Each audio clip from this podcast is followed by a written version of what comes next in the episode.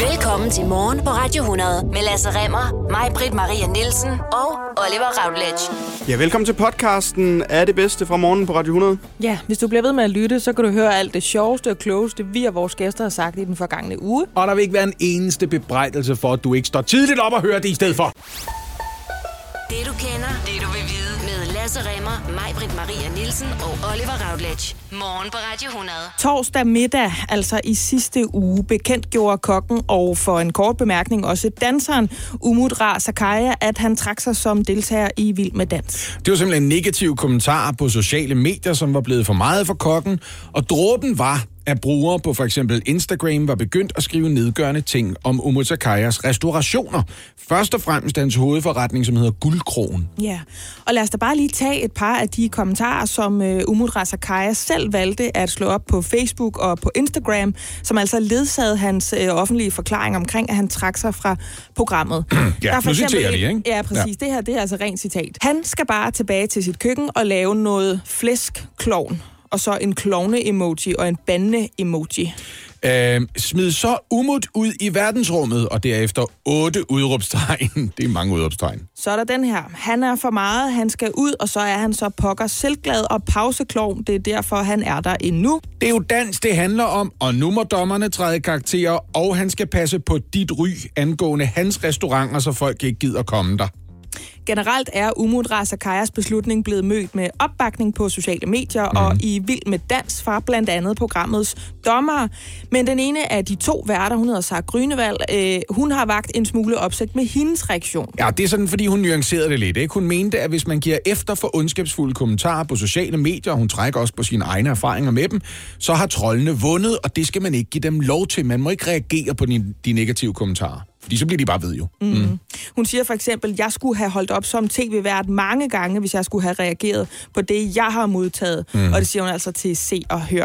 Og om Umut Rasakaya, der tilføjer hun, hvis nu han var en, der var ligegyldig, eller på den måde var en stille og rolig person, der ikke larmede, så kunne jeg godt sætte mig ind i det. Men han går også ind og danser med et stykke flæsk og gør meget opmærksom på sig selv. Her er jeg. Så kan man ikke bagefter sige, at alle skal kunne lide mig. Nej, men der er der, det er der selvfølgelig også noget om, men uanset hvad man måtte mene om Umut Razakaya, så skal vi altså med en halv times tid tale med læge og forfatter Imran Rashid om, øh, hvorfor vi bliver så kede af den af fremmede mennesker, uden ansigter dukker op og sviner os til på internettet, og det gør vi altså kvart i otte. Vi skal øh, til Vild med Dans, og vi skal til øh, social etiquette, når det kommer til, hvordan vi behandler hinanden på sociale medier. Fordi i torsdags, der bekendtgjorde kokken, og jo altså for en kort bemærkning, danseren Umut Ra Sakaya, at han trak sig som deltager i Vild med Dans. Mm. Da klokken den var en 10 minutters penge over syv, øh, der fortalte vi lidt om, hvad det var for nogle kommentarer, han blandt andet havde fået på Facebook og på Instagram. Og det fik mig til at tænke på, Lasse, har du nogensinde prøvet, nu kommer verdens mest retoriske spørgsmål, at der var nogen, der havde skrevet noget knap så venligt til dig på sociale medier? Øh, ja tak. Det er sket rigtig, rigtig jævnligt, skulle jeg hilse at sige. Og det er noget, som jeg efterhånden har vendet mig til. Jeg brød mig ikke om det i begyndelsen. Lige da Facebook kom til Danmark der tilbage i 2008, der var der lige en periode på en 4, 6, 8, 10 år, hvor jeg lige skulle vende mig til, at det her det er altså en ting, der forekommer, og det er svært at vende den anden kendt til, eller bare nakken til, så man hverken kan Ja, høre ja. eller se det, men bare en gang man mærker dask, ikke? Ja, fordi det, som jeg synes er spændende ved det her, det er, at selvom man er en ret selvsikker fyr, og man sådan har folkets opbakning, og det har han jo haft ham her, Umudra øh, Sakaya, i hvert fald indtil han var med i Vild med Dans, så virker det som om, der er sket noget med majoriteten af de ældre seere, som lige pludselig synes, nu kan det være nok med det flæskedans. Øh, hvorfor er det så, man bliver så ked af det, når de her fremmede, anonyme mennesker uden ansigter, og måske med falske navne på sociale medier, skriver noget grimt til en? Hvorfor gør det så ondt? Altså nogle gange, så er det jo bare sådan nogle unødvendige perfiditeter. Jeg begyndte også at rense sådan mig selv for at finde ud af, hvor tit har jeg selv gjort det, for det har jeg givetvis gjort. Har jeg er jo du det? komiker. Ja, det har jeg gjort for sådan noget pff, 20 år siden eller sådan noget. I internettets barndom, der har jeg siddet der havde jeg en blog, for eksempel. Ikke? Okay, ja. Og så skrev jeg for eksempel om en kollega i underholdningsbranchen, der skulle på en turné et eller andet sted. Så fandt jeg det første job, han skulle optræde i Holstebro eller sådan noget. Så tror jeg, jeg skrev noget i retning af, Nå, der er der en god grund til at holde sig væk fra Holstebro i oktober eller et eller andet. Gud, hvor Jamen, var det det et røvhul. Lige præcis. Så det, og det har jeg skrevet sidenhen og sagt, det må du fandme undskylde. Jeg ved ikke, hvad, hvad, hvad, hvad jeg var for et menneske, eller hvorfor jeg synes, det var cool. Ej. Min bedste undskyldning er, at jeg var i 20'erne og et kæmpe pikhoved, og jeg prøver at blive mindre og mindre et pikhoved for, hver, for hvert år, der går. Det arbejder jeg på. Jeg er stadigvæk ikke nede på 0 procent, det vil jeg gerne indrømme. Nej. Jeg er sådan lidt delt med Ja, den, hvad sagde du, Oliver? Hvis man er, der var Oliver lige med der. Hans ja. mikrofon er jo også tæt. øhm, jeg synes, der er forskel på, hvis man er i en tråd, hvor folk de skriver et eller andet lort. Nogle gange kan man jo undre sig lidt. Jeg har også prøvet, jeg har skrevet en kronik eller en analyse, og så er der nogen, der er uenige i det, jeg er kommet frem til, der ja. skriver nedenunder. Hold kæft, øh, hvor er hun bare øh, dum i hovedet, eller sådan noget. Mm. Hvor jeg så kan tænke, ja, men det, så elsker jeg jo at gå ind og like deres kommentar, og så tænker de, huh! og så fjerner de den inden fra Berlingske, eller hvor jeg nu har skrevet. Ja, ikke? ja. Men derfra og så til det der, når folk de skriver direkte til en, altså når de havner i andet end bakken, hvor man mm-hmm. godt kan se, at det er altså en profil, hvor profilbilledet det er et billede af en stor fadøl, eller af en kat, der ligger i en kurv, der er tegnet, eller Ja. ja. sådan noget. Og så starter den med, hallo, og man kan se, at der er ikke tegnesætning, der er ikke stort begyndelsesbogstav eller mm. noget som helst, så behøver man knap nok, knap nok at åbne den.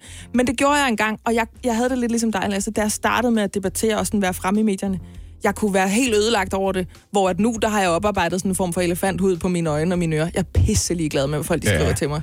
Altså, sådan er det blevet mere og mere, ikke? Men altså, jeg synes, at efterhånden, så betyder det også mindre og mindre, fordi mange af de ting, som folk de tror, de, de kan såre, for eksempel folk, der gerne vil underholde andre med, det er, jeg synes ikke, du er underholdende. Ej. Og jeg tænker, det er okay med mig. Det gør mig ikke noget, at Det er okay, mig. og det, ved du, det, det er sådan, det må være, ikke? Jo. Ja. ja. Men må jeg lige spørge her bare afslutningsvis? Ja, ja. Vil du have trukket dig for vild med dans? Altså, øh, hvi- hvis jeg var dårlig til at danse, ja, så ville jeg muligvis. Men nej, ikke fordi folk er sure. Hvis vi lige skal øh, binde knud på det her med Umut Sakaya, der jo har trykket sig for vild med dans. Ikke? Vi nævnte mm. tidligere på morgen, hvad Sarah Grønevald har sagt. Hun er en af værterne på programmet, og hun siger jo blandt andet, altså, han er en person, der gør opmærksom på sig selv. Altså, han går også ind og danser med et stykke flæsk og gør meget opmærksom på sig selv. Her er jeg. Og så kan man ikke bagefter gå ud og sige, at alle skal kunne lide mig. Og hun har fået de her kommentarer med på sociale medier, Umut Sakaya, ikke? Mm. Derfor har han trykket sig. Og det synes jeg jo... Jeg synes, at Grønevald har ret. Ja, der er selvfølgelig langt fra at ikke kunne lide en person at gå ind og svine ham til, som de ting, man har gjort på Instagram. Men Umut Sakaya er også en mand, der øh, tager billeder af, at han ligger i et badekar fyldt med brun sovs, mm. og øh, ligger med en dyne af flæsk i stedet for en, øh, en almindelig dyne, og går så meget op i at gøre opmærksom på sig selv. Det er egentlig utroligt, at Dansk Folkeparti ikke har bejlet til ham noget før. Ja, ja men, men altså, synes I, ikke, synes I ikke, det er rigtigt, det her? Altså, når man gør så meget opmærksom på sig selv, hvorfor skal man så lige pludselig have, have folk til at have ondt af sig selv, fordi at de ikke kan Men har han det? Altså har han ikke bare sagt, nu gider jeg ikke høre mere på jeres pis? Altså, Jo, men fordi det, det, må, jeg, må jeg sige, hvordan jeg har det med det? Helt kort, fordi jeg ved, jeg har tænkt over det nogle dage nu. Man må gerne øh, synes, han er en kæmpe nar. Man må gerne Ja. ja. synes, han ikke kan danse. Man må gerne Enig. håbe, at hans forretning går ned, når man hjem. Man må tænke, hvad man vil om andre mennesker. Men man må ikke selv gøre sig til lige så stor en idiot, som man synes, han eller de er, ved at gå ind og tabe sutten fuldstændig, og så gå amok i et kommentarfelt. For vi kan se dig. Vi kan se dig, Birte fra Hvidovre, med dine børnebørn på skødet på dit profilbillede. Men han er jo også provokerende. Altså, ikke, øh, ikke, ikke på den der måde, han går ud og siger noget provokerende, men på måden, han opfører sig på. Altså Ja. ja. sådan. Ja, ja. Han gør jo hele tiden opmærksom på sig selv. Jeg forstår også sådan som mig, Britt, jeg forstår godt pointen i, jeg gider ikke rende rundt og knokle så hårdt og syre benene til hver eneste dag med fire timers dansundervisning og prøve at blive dygtigere til noget. Mm. Hvis folk bare tænker sig at stå og vrænge, hvorfor du ikke endnu dygtigere? Jeg synes, det er din skyld, at folk, jeg synes, er mere underholdende eller dygtigere til at danse, er blevet stemt ud, ja. Mens du stadig er med. Men det er jo ikke hans fucking skyld, mand. Nej, det er da fanden? kasterne, der har bestemt sig for, her er en ny Allan Simonsen, som ikke ja. kan danse, men som kan noget andet. Lige mm. præcis. Og så sidder der nogle mennesker hjemme i sofaerne og tænker, jeg synes, han er underholdende, og du er uenig med de andre mennesker i sofaerne. Det er ikke Umuts skyld. Nej. Det er folk, der sidder... Det er din nabo. Gå ind og bank på hos naboen med et stykke drømmekage og sige, er det jer, der stemmer på Umut? Fordi uh, her er et stykke drømmekage for at stemme på dem, vi godt kan lide. Altså, det der er lidt af brug for, det er, at der er nogen derude, der skal forstå, your opinion doesn't matter. Altså, yeah. det er lige meget, at du ikke kan lide ham. Det er faktisk så lige meget, at du behøver ikke gå ind og skrive det til fyren. Men hvis du gør det, så bliver du samtidig til en kæmpe idiot. Mm. Fordi så kan vi se dig, så har du tabt småkærne. Det er jo det, der er at være et menneske. Man må godt ikke kunne lide rigtig mange ting. Jeg kan for eksempel ikke fordrage folk, der bowler. Men derfor går jeg ikke ind og skriver ind på alle mulige sider. Hold kæft, for I nogle pikhoveder, fordi I bowler. Nej. For det er lige meget. Jeg kan bare gå et andet sted hen med min holdning. Men hvad nu, hvis du bowlede i et center, hvor der var en på en bane, som du synes var enormt irriterende, og du kunne godt selv lide bowling, fordi det er vel lidt sådan, folk har det med vild med dans. De elsker vild med dans, og nu er der kommet nogen ind i deres bowlinghal, som bowler dårligt og larmer og siger fjollede ting om bowling.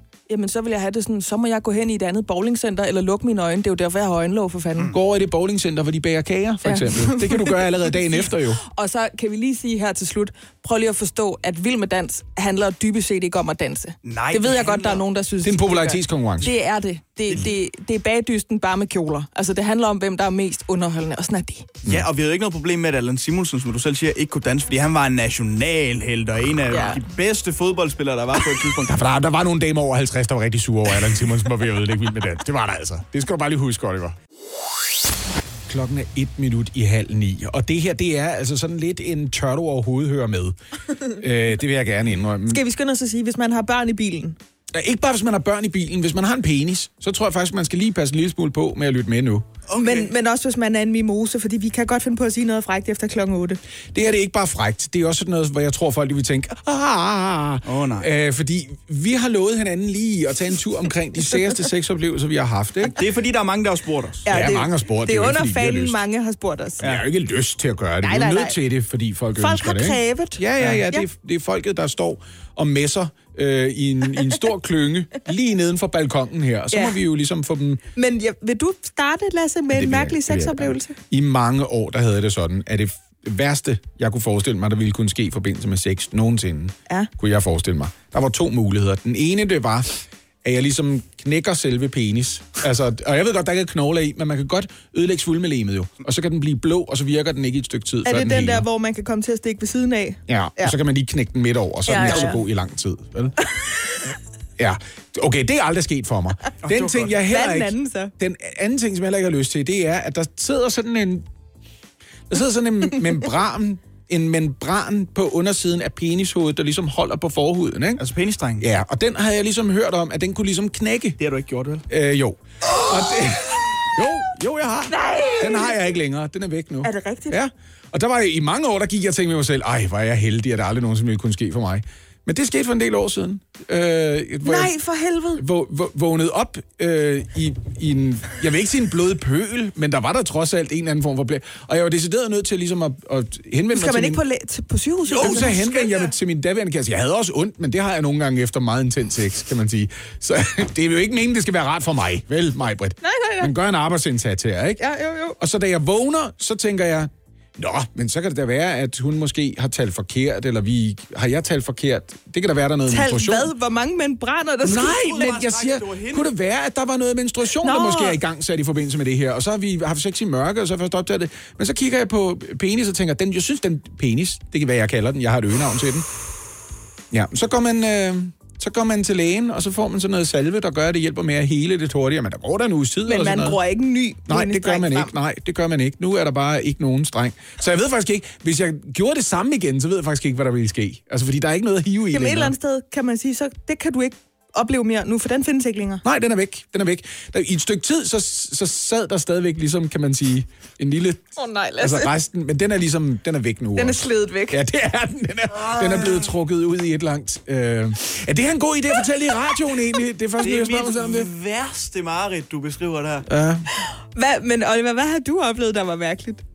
Ej, men overhovedet ikke noget, der kan følge Jamen, op. jeg- Jeg er rigtig glad for det nu, Oliver, du skulle næsten prøve det, faktisk. Jeg er rigtig glad. Ej. Oliver, så sig, hvad du har prøvet. Jamen, jeg er overhovedet ikke noget med det der. Altså, det, øh, jeg kan slet ikke. Det er faktisk rigtig pænt, Men jeg du må da have prøvet et eller andet mærkeligt. Altså, Ja, ja. du er en grænvoksen mand. Du har da kørt dine kilometer. Har du ikke? Jo, jeg har, jeg, har, jeg har prøvet med noget mad, som ikke lykkes ret godt. Altså sådan noget, hvor det skulle være sensuelt, og man ligesom skulle sidde og drøbe ting ned i munden på hinanden, Ja, eller... det er fordi Oliver han gjorde det med chicken masala. Nej, det er jeg kæmpe elsker bare butter chicken. Åh, nej. Bare der chicken lige op i cracken på dig. Åh, Nej, men sådan noget... Sådan noget øh, Men lækker- agurk, der knækkede og ikke kunne komme ud, eller? Nej, nej, ikke sådan noget. Nå, altså okay. sådan noget, hvor, hvor man lige vil... Uh, jeg kunne godt tænke mig at spise noget Ja. Nutella fra dit brystvorter. Det er ikke så og godt, som man fra tror, det er. Ned omkring de nedre regioner. Nope. Og det, det fungerer overhovedet. Don't do it. Det er for klistret, det der. Det er også? nemlig rigtig klistret. Ja. Ja. Og hvis man så også...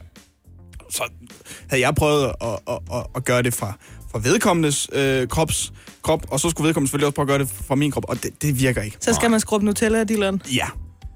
Okay, jamen så mangler vi vel bare mig. Ja. Jeg kan heller ikke helt matche det. Men det noget af det mærkeligste, jeg kan komme i tanke om, som jeg virkelig tænkte over bagefter. Det satte tanker i gang. Det var en mand, jeg var sammen med, som sagde, åh nej, når han kom. Nej.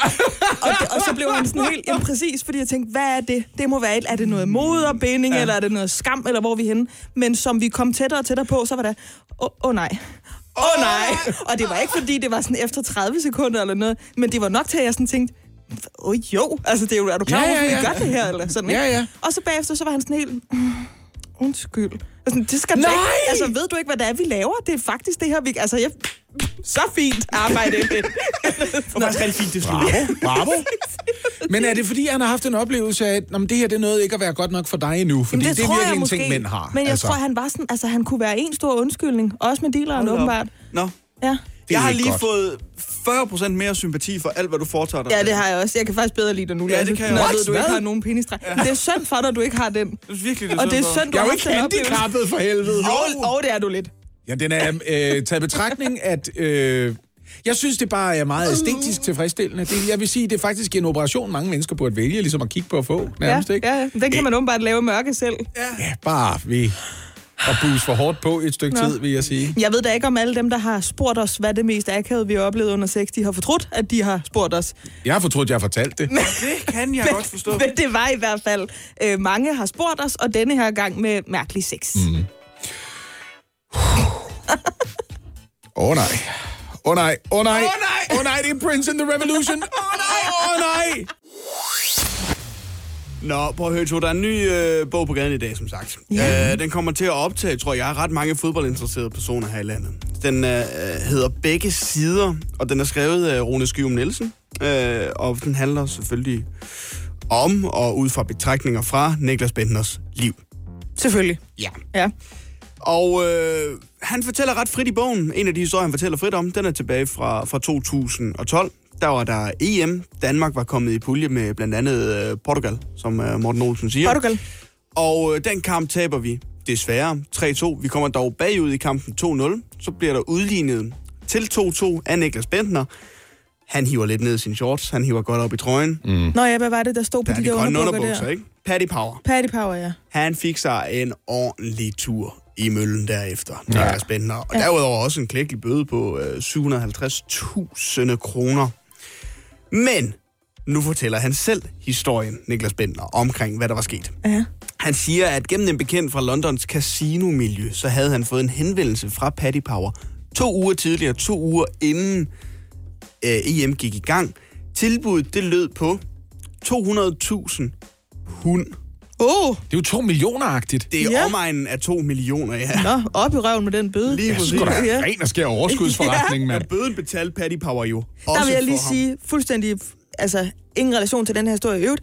Jeg går med hvilket som helst slags underbukser, hvis der sidder nogen derude og lytter med, og har lyst til at give mig to millioner for at hive ned i mine bukser. øh, og allerede før afrejsen til EM i, i Polen og Ukraine, der havde Paddy Power også sendt ham 10 par underbukser med deres navn i forskellige størrelser og forskellige modeller, så han var forberedt. Han kunne ligesom tage forskellige slags på, ikke? Ja. Øh, grunden til, han gjorde det her, fordi han tjente jo allerede mange penge på det her tidspunkt i sin karriere, Niklas Bentner. Mm. Øh, de forsvandt så bare ret hurtigt igen. Ja. Øh, han brugte mange, mange penge på casinoer i London. Ja. specielt. Ja. Ja. Og øh, det var noget, der sådan begyndte, da han forhold til Karoline Fleming, de har jo været kærester engang, øh, har også barn sammen, det er ligesom begyndt at gå i vasken. Det er hende, der støvsuger hjemme hos øh, folk, der ikke er kendte. ja. Ja. Øh, han fortæller, at han nogle aftener lader sig til at sove efter at have tabt en kvart, en halv, øh, en eller to millioner kroner, Niklas Bentner. Hold da kæft. Det er jo nogle sindssyge beløb, Oliver. Han siger, at i sommeren 2011 var det tæt på at gå helt galt, da han på halvanden time i fuldskab midt om natten spillede 400.000 pund Ej, ej, væk nej, nej, nej, på nej. Roulette. Altså, det, det er cirka 4 millioner kroner. Ej, nej, nej, nej, nej, nej. Hvordan, hvordan har han så mange penge? Ja, så kan han jo spillet i Arsenal på det her tidspunkt, der er tjent øh, altså, en million om ugen cirka, ikke? Hold nu kæft. Bankbogen var tømt, han var gået personligt fallit. Hvis lykken den så ikke var vendt, fordi på en halv time, der fik han minimeret sit tab bare til at være til 20.000 pund. Nej, men prøv at høre, det der, du må jo heller ikke jagte din tab, fordi det går det jo... Det er jo en, det er jo en forfærdelig moral, der kommer ud af det her. Nej, nej, nej, nej, nej, nej. Jeg at tage 4 Moralen er- millioner, så spillede jeg lige igen, Ja. så jeg kunne Jeg vandt det tilbage ved at spille endnu mere. Nej, det er Jeg ikke ved ikke, om godt, man det kan tabe så meget, at der kun er en måde at komme ud af det på, og det er at gå ind i det igen. Nej, hvor er det forfærdeligt, det her. Nå. Altså, må jeg lige kile ind her, at jeg har for sådan noget 15 år siden, der blev jeg slæbt ind på Copenhagen Casino af, øh, af en bekendt, og stod ved et blackjack-bord ved siden af, hvad jeg fik at vide, at var et par pur unge FCK Superliga-spillere, som sad og spillede for et femcifret beløb per hånd, og de var så standardvisende, at de dårligt kunne se kortene. Ja. Altså, jeg tror, det er en fodboldspiller-ting, det her, hvis jeg skal være helt det er ærlig. også- Ja, det er også en rig mands ting, ikke? Ja, ikke også? Ja, ja. Så der, er der flere ja. nysgerrige ting, som lige- du kalder lad det? lad Jeg elsker det her lige nu. En nysgerrig historie til, ikke? Det er sportsnyt, man kan bruge til noget, det her. Kan I huske engang Niklas Bentner, han satte sig ind i en bil for at køre 150 meter imod ensretning for at komme til den næste bar? Ja, det var da han ville fra The Bird and the Church Key til Rubies eller sådan noget på Gammel Strand. det var nede på Gamle Strand, ja. Ja, der er ensrettet på Gammel Strand. Det fortæller han også åbent og frit omkring. Han gad ikke gå. Øh, han bliver stoppet af en betjent, øh, og han vil have Bentner med på stationen. Mm. Bentner, han fortæller så, at han satte sig ind i bilen for at køre de her 150 meter, men han nåede ikke at dreje nøglen, inden en betjent bankede på ruden. Øh. Og selvom han jo reelt set, hvilket han ikke gjorde noget at starte bilen, så var skaden jo sket, fordi han satte sig ind bag rattet, ikke? Ja, sådan er det. Og så siger Bentner, så er det, jeg begynder at panikke. Jeg forklarer ham, at jeg ikke engang har fået tændt for motoren. Og nu kommer den mest sindssyge sætning, jeg nogensinde har hørt. Ja. Så kommer jeg i tanke om den konvolut, jeg har i inderlommen. 100.000 kroner. What? Nej! Det var tænkt som en gave til mine forældre. Undskyld, hvad? Wow! 100.000 kroner Så hvad, den prøver Ja, han at stikke Knop Jensen, og så... Du får dem her, hvis du lader mig slippe, siger jeg. Hold din kæft lige nu, svarer betjenten. Godt! Godt Flemming betjent. ja, så han har altså prøvet at stikke en betjent 100.000 kroner for at slippe sig. Hvor han øh, vil, han bare, her han bare, altså han skulle jo bare sådan, "Shh, du gør det værre, men han siger indrømmer det bare. Han siger også, betjenten, hvis du siger et ord til lige nu, så er der på røven. Det er ret vildt, så sige det værre. Han siger så, at øh, han er glad for, at betjenten ikke sigtede ham, sigtede ham for at øh, være bestikkelse, forsøg på for bestikkelse. Ja, embedsmand i funktion. Mm. Puha. Men det endte alligevel med at koste øh, Bender 842.000 kroner. og en Som. Paddy Power betalt. Eller hvad Bentner jo kalder otte julegaver til sin mor. nemlig. Ej, hvor er det vildt, mand. Det er Og, fandme mange øh, penge. Frakendelse af kørekortet i tre år. Og det er nok det vigtigste, det der med, at han ikke må køre bil. Ikke? Præcis. altså, så er godt, vi kan blive enige om. Og så var der selvfølgelig også med, at Dansk Boldspilsunion, de straffede ham med en udelukkelse fra landsholdet i et halvt år. Men ud til, der blev det bare kendt som en tænkepause. Hjælp en, du holder af med at tage det første skridt til bedre hørelse. Få et gratis og uforpligtende hørebesøg af Audionovas mobile hørecenter. Så klarer vi det hele ved første besøg, tryk dig nemt i eget hjem. Bestil et gratis hørebesøg på audionova.dk eller ring 70 60 66 66. Nu skal vi til det her expat noget. Så jeg starter lige med at fortælle, at for tredje år i streg indtager vi Danmark en bundplacering i netop expat-organisationen, det der hedder Internations trivselsundersøgelse blandt mere end 20.000 expats fordelt på 64 forskellige lande. På jævnt dansk, der betyder det, at det er mega træls at være expat eller udlænding, der bor i et andet land end sit eget hjemland i Danmark. Ej, hvor er det godt nok ærgerligt, mand. Ja, Danmarks, det er sgu lidt sølle. Danmarks overordnede placering i undersøgelsen, det er nummer 48 ud af 64. Det er et stykke under midterlinjen, ikke? Og her redder de gode muligheder for familieliv og høj digitalisering og sikkerhed Danmark fra en absolut bundplacering. Man føler sig simpelthen tryg i Danmark, men det er også en af de få positive ting, der er at sige om det. Hvis man fokuserer på det sociale, så ser det meget værre ud. Ja, fordi i kategorien, hvor nemt er det at falde til, ligger Danmark nummer 63 Nej, nej. på listen, og vi er kun undergået, så at sige, er Kuwait.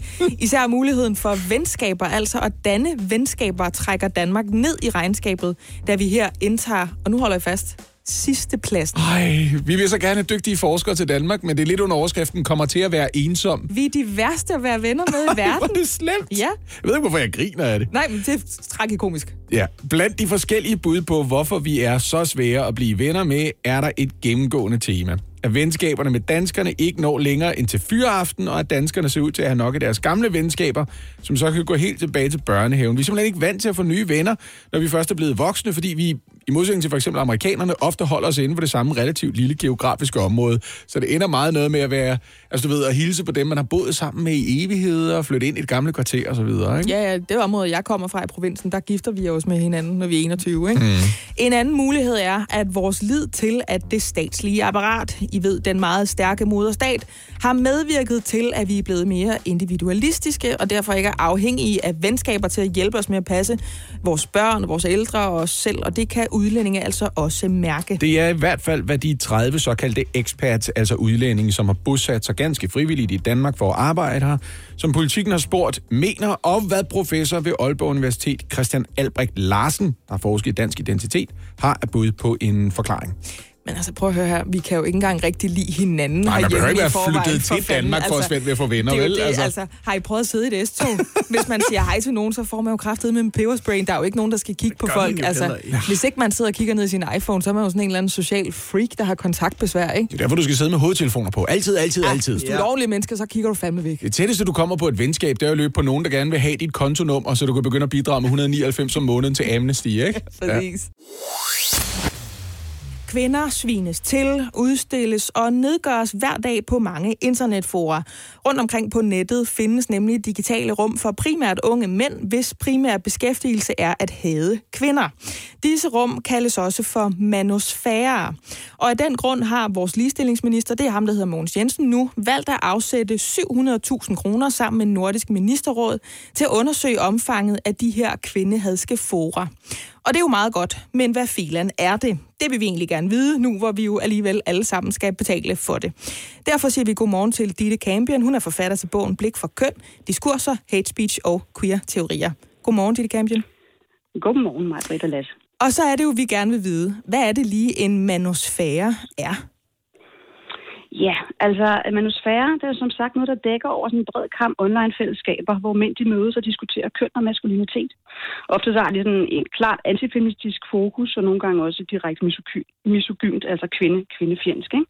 Jeg kan komme med fire eksempler på det, man kalder for manusfæren, som man kan støde på i de her fora. Ja, tak. Der er det, man kalder in- incels.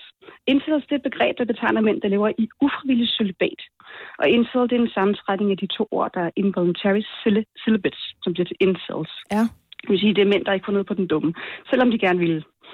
Øh, og den her ufrivillige celibat, det er i deres optik kvindernes skyld. Så det er kvinderne, der har franeret dem sex. Okay. For tiden taler eksperter faktisk om en såkaldt incel-bevægelse, der i stigende grad radikaliseres på nettet, hvor de her mænd så får afløb for frustrationerne via nedladende snak om kvinder.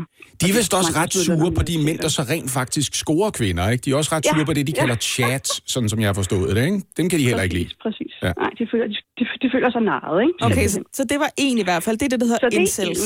Ja. Lige præcis. Så er der dem, der hedder MRAs, eller manderettighedsaktivister. Ja. Og her er til tale om sådan en mere antifeministisk gruppe med politisk gruppe af mænd, der gerne vil skabe en strukturel forandring, hvad angår kønnets rettigheder. Og de er ofte udgangspunkt i sådan feministiske mærkesager, som for eksempel urealistiske kropsidealer eller kønskvoter på arbejdsmarkedet. Og så bytter de fortegn. Så når de siger, at, øh, eller de vil sige, at kvinder de brokker sig over, at der er et tyndhedsideal. Men hvad med os mænd? Vi skal også have store muskler. Det er også tageligt. Mm. Øh, eller sådan noget med, øh, der, kvinder vil gerne have kvoter, så der kommer flere kvinder ind i bestyrelserne. Men hvad med os mænd? Vi vil gerne være pædagoger. Hvorfor er det kun kvinder, der er pædagoger? Så de flipper den sådan, ikke? Okay, ja. Øh, ja, og så peger de også generelt på sådan en asymmetrisk magtrelation mellem mænd og kvinder i samfundet med statistikker, der viser det der med, at, at mændene er, altså det, der er flere mænd, der begår selvmord, der er flere mænd, der dør ved ubehandlet sygdom, og der er flere mænd, der er i fængslerne osv. osv. Ikke? Så de tager i virkeligheden Så- fat i det der med, at mændene er samfundets bøgerbolle, mens kvinderne indtager en bøfposition. Okay. Præcis. Så det var nummer er to. de sande ofre. Så der var incels, manderettighedsaktivister. Aktivister eller MRAs. Ja. Øh, så er der dem, der hedder pick-up artists, eller PUAs, kan man kalde det. Det er så mænd, der gerne vil lære at score. Måske kunne man sige, at det var incels, der var optimistiske. Eller så pick-up artists måske. Ja. Øh, incels, der ikke har haft succes. Og så er de blevet sure. Ikke? Ja, ja. Jeg ved det ikke. Øh, nå, men de, det er så en, en type mænd, der deler tips til, hvordan man kan score øh, på nettet. Altså, hvordan man kan fyre en god score-replik af, eller lave et andet vilkårligt succesfuldt score-move. Ja. Og de har sindrige systemer af scorekoder. Det var altså både verbale scorekoder og kropssproglige scorekoder. Der er det, man kalder for necking. Jeg ved ikke, om I kender det. Necking, det er en tvetydigt kompliment, der er til formål at underminere kvinden, altså offers selv. Ja, det er der, hvor man siger, hvor ville du det være smuk, hvis ikke du havde så store ører. Jeg har, en, jeg, har en gang, Ja, præcis. jeg, jeg har engang knaldet en kvinde konkret, fordi hun åbnede samtalen med, jeg kan ikke lide dine bukser. Så det virker også på mænd, skulle jeg hilse at sige. Okay. Det virker. Ditte, vi skal lige nå... Ja, det var tre. Ja. Jeg ved, der er fire. Hvad er den sidste fjerde? Der er, der er i hvert fald den sidste væsentlige. Der er, den, det er den, der hedder Men Going Their Own Way, eller Mick, MGTOWs, kalder de. Og Ja. det er mænd, der prædiker, at man skal melde sig fuldstændig ud af samfundet. Indtil kvinderne forstår, at de er på vildspor med al den der ligestilling og feminin selvbestemmelse. Og herefter så vil kvinderne, altså når kvinderne de har forstået, at de er på vildspor, så skal de så trække sig tilbage til kødgryderne, og alt vil blive, som det oprindeligt skulle være. Så det er sådan lidt, så kan de lære det, kvinderne. Ikke? Nu, nu går vi ud i skoven, Så og indtil kommer kvinderne- tilbage, før der er en gryde parat. Retter ind, så er der ikke mere mand til de slemme kvinder. Præcis. No Okay. Jamen, det er jeg faktisk... Jeg er glad for, at vi ringer til dig, øh, Ditte Campion, ja. fordi nu ved jeg lidt mere om, hvad det er, Mogens Jensen han synes, vi alle sammen skal bruge 700.000 kroner på at få undersøgt, øh, hvad er for noget, og hvad filerne, der foregår inde i de her øh, manusfære-rum på internettet. Tak, fordi du lige ville forklare os det. Vi har jo øh, talt om for en halv times tid siden, at hvis man er ekspat i Danmark, det betyder egentlig bare, at man bor her, men hører til, øh, originalt i hvert fald, i et andet land. Man bor her måske, øh, fordi man øh, har et spændende arbejde, der er i Danmark. Øh, så er det svært at få venner blandt os etniske danskere. Det er faktisk så svært, at vi indtager en bundplacering, når man kigger på den ekspat-organisationsundersøgelse, som Internations har lavet for tredje år i streg. Og det er der politikken, vi har snakket med en 30 forskellige personer, som er kommet til Danmark for at arbejde, har opdaget, at de mener, at det er fordi, vi er gode venner på arbejdspladsen, og det øjeblik, det ringer ud, så smutter vi hjem til vores gamle venner fra børnehaven og så videre. Og vi er ikke rigtig interesserede i at skabe nye relationer, når vi først er blevet voksne. Vi er nogle tryghedstyper. Og der er det jo så, at vi gerne vil komme ind med et bidrag her, fordi skulle der sidde øh, en polsk mand derude, arbejde som programmør i en spændende IT-virksomhed og tænke, det er underligt, at Arne og Bitten, de aldrig nogensinde spørger, om jeg kommer hjem til fondue. Mm. Arne og Bitten, de spørger ikke engang hinanden, om de kommer hjem til fondue, fordi sådan er danskere. Og jeg ved, at vores nyhedsvært Anne Lavendt har øh, et eksempel. Det er en trafikhistorie, som jeg synes så fint highlighter, hvad det er, vi danskere vi har et problem med, når vi altså omgås hinanden. Ja, vi vil helst ikke omgås hinanden heller i hvert fald. Jeg oplevede en gang, hvor jeg skulle øh, tage bussen fra øh, den by, jeg boede, og så ind til en anden by, hvor jeg gik i skole. Den var utrolig stopfyldt. Så jeg blev nødt til at sætte mig på et sæde ved siden af en mand, jeg ikke kendte. Men Nej, det var, nej, det, var nej, det sæde, der var ledigt. Ja, man, ved, man vil helst bare gerne sidde øh, to sæder for sig Ja. selv. Ikke? Men det Ja. kunne jeg ikke. Jeg Så siden- Ebola. Jeg sat, præcis. Jeg satte mig siden af den her mand, der var ikke andre muligheder, og, og bussen var stopfyldt. Så skete der det, at øh, lige pludselig, da vi øh, stansede et sted, der blev bussen næsten tom. Altså nærmest samtlige mennesker i bussen gik ud igen, steg af. Jeg skulle ikke af, det skulle manden ved siden af mig heller ikke. Så vi blev siddende, og jeg tænkte, altså jeg skal af om et par stop, så jeg kan lige så godt blive siddende her. Så kigger han på mig, og så siger han, øh, så tror jeg vist, der er et øh, ledigt sæde til dig et andet sted i bussen. Oh, Altså, han han jeg mig- synes, det er så vild en Han bad mig historie. simpelthen om lige at gå væk, for nu var der jo pladser andre steder. Præcis. Det er typisk mænd, ikke? Nej, men det er typisk danskere. Det er typisk danskere, og vi ved det også godt, det der, hvis man får øjenkontakt med nogen i lidt for god tid, så bliver man sådan helt, øh, mærkelige følelser ind i kroppen. Jeg, jeg har ikke lyst. Øh, hvor har du været hen på sommerferie? Skynd dig væk. Det bliver sådan noget underligt noget, fordi sådan er vi bare ikke. Vi er ikke præpareret til det der, well, how are you doing? Hvad, hvad, hvad er det ved vores kultur, som gør, at vi ikke kan finde ud af det her? Er det fordi, der er så mørkt heroppe i den her del af jordkloden, at vi ender med at være sådan nogle typer, der trækker os ind i vores huler sammen med dem, som vi godt gider ligge tæt på, når vi skal holde varmen, og resten, de kan bare rende os? Ja. Eller hvad fanden er det? For jeg kan genkende det, og jeg vil godt indrømme det her. Jeg er ikke engang typen, som har brug for lige at få et vink med en vognstang. Det er sekund, der er plads til, at jeg kan sidde på et dobbeltsæde alene. Så er jeg ude af vagten, Ane. Så flyder altså, du dig ja. frivilligt. Kan du fordi det synes jeg også, stole på? Jeg, altså, jeg overvejede det, men jeg kunne huske, at jeg tænkte, at det er måske også lidt fornemt over for ham, så nu gider jeg ikke sidde sådan af dig mere. Ja, det er meget altså, det også, demonstrativt, ikke? Hvad Ja, betyder det det? er det det hvad lugter jeg, eller hvad er der galt? Lige præcis. Ja. Ja. Altså, det var lidt det var, jeg sad nemlig og afvejede det, men så bad han selv om, at jeg skulle flytte mig. Så det gjorde jeg så. Men det er også ligesom om, det, det er mere fair, hvis man selv rejser sig, fordi når ja, vi får lidt luft eller Ja, sådan noget, ikke? Men lige frem at spørge om det, sådan, dit, dit lov er Jeg så vil heller klamt, ikke sige, det var et spørgsmål. Det var mere en Det var en ordre. ordre, Er ikke også enige om, man bliver betragtet som en freak, hvis man går ind i en bus, hvor der er et dobbeltsæde til rådighed, man kan sidde alene på, og så sætter man sig ved siden af nogen. Så er det jo psykopat. Så er der jo en legitim grund til, at personen, der sidder der i forvejen, lige finder sin telefon frem og begynder at øve sig på at ringe 112. Ikke? Ja, ja, men det er jo, nu du siger telefon, det er jo ligesom, når man sidder i metroen, hvis man så lige kigger op en gang imellem, så opdager man, det er den eneste, der gør. Der er ikke nogen andre, der kigger op. Og hvis der så er en anden, der kigger op, så skynder man sig at kigge ned og tænke, freak, jeg ikke sidde og kigge dig omkring. Jeg har det også lidt, når jeg er i fitnesscenter, og der er en øh, romaskine ledig. Jeg sidder på romaskinen, og så er der måske fire sådan ved siden af en anden på række, og så kommer der en anden og tager romaskinen ved, romaskinen ved siden af mig. Ja. Hvor jeg tænker, gå dog væk. Altså, der er, en, der er en derhen. Kan vi holde lidt afstand? Jeg bliver helt sur over det, Det er jo faktisk. den hygiejniske udgave af, hvordan vi fordeler båse, når vi går ind på et offentligt toilet. Der er jo også noget med, at du skal ikke sætte dig lige ved siden af. Hvad laver du, mand? det I, I det hele taget, hvis du er matematiklærer, du gerne vil lære børn, hvad normal fordeling er, så skal du bare vise dem en tom bus og bede dem om at placere en passager ad gangen i den bus. Og så skal de nok gennemskue, hvad det er, du mener, ikke? Og al den her trafik- og toiletsnak, altså bare lige for at eksemplificere, det er ikke fordi, vi har noget imod expats, det er bare fordi, vi generelt har noget imod hinanden, når man er dansker. Mm. Så det er altså ikke noget, du skal tage personligt, hvis du er polak, og du taler overordentligt godt dansk og valgt at høre Radio 100 om morgenen, så har du din forklaring lige her. Burhan G. og Lucy. Klokken er blevet to minutter i halv ni her på Radio 100. Den store undersøgelse af danskernes sexliv, det er den, der hedder Sexes. Den fortalte os en masse ting om, hvordan vi har det med vores seksualitet, hvad vi render og laver, hvad vi ikke laver, hvad vi godt kunne tænke os at lave. Og den fortalte os også om ældre sexliv. Og en af de ting, vi fik at vide, det var, at blandt danskere over 75 år, der er det mere end to ud af tre mænd og en ud af tre kvinder, der mener, at et godt sexliv er vigtigt for deres trivsel. Men det er så langt færre, som siger, at de får deres seksuelle behov opfyldt. Det kan man jo godt være en lille smule bekymret for mig, Britt. Enig. Altså også fordi, vi bliver jo alle sammen ældre hele tiden. Ja, med ungdom, det går over. Mm. Henriette Højsten er forstander på et plejehjem, som hedder Slottet, og øh, de er særligt bevidste om at tilgodese lige præcis de her aspekter af et ældre liv. Godmorgen, Henriette Højsten. Godmorgen, Lasse Remmer og mig, Britt.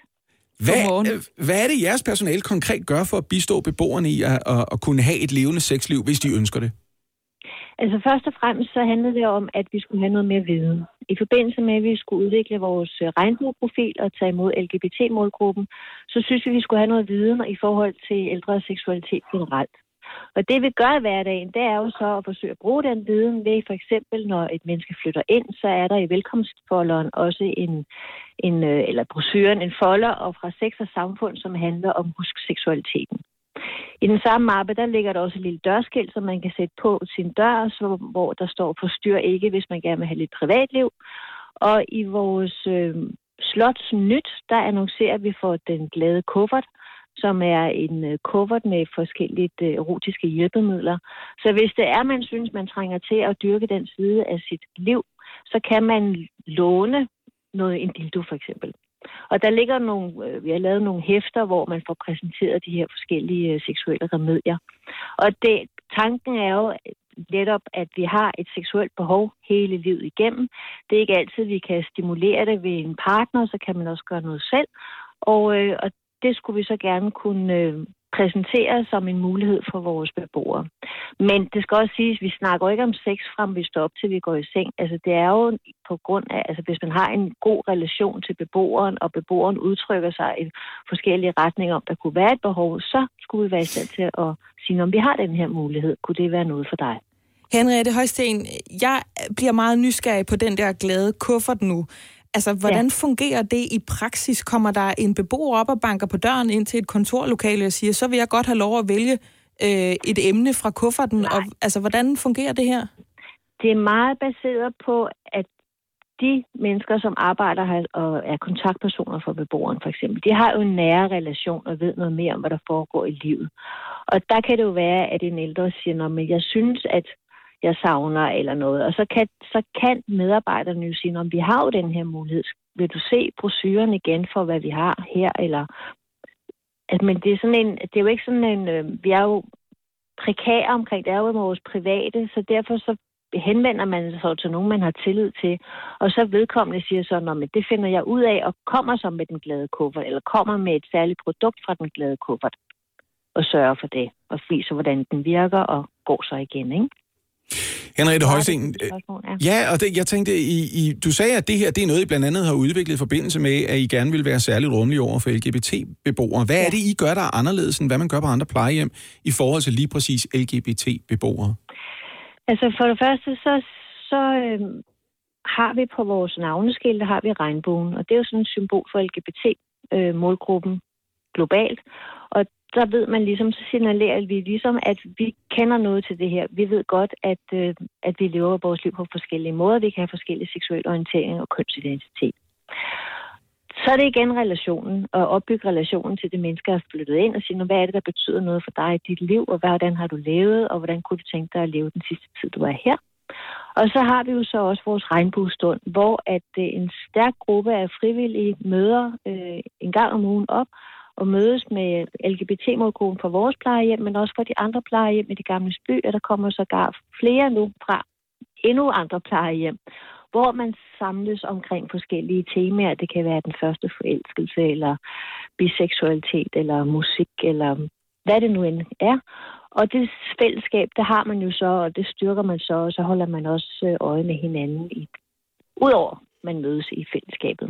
Derudover så går vi med i Pride Parade, og for ligesom at vise, at her cykler vi også med, og så har vi en fejring af vores regnbueprofil i også Pride-ugen. Øhm, så I gør faktisk det, rigtig det, meget? Vi gør.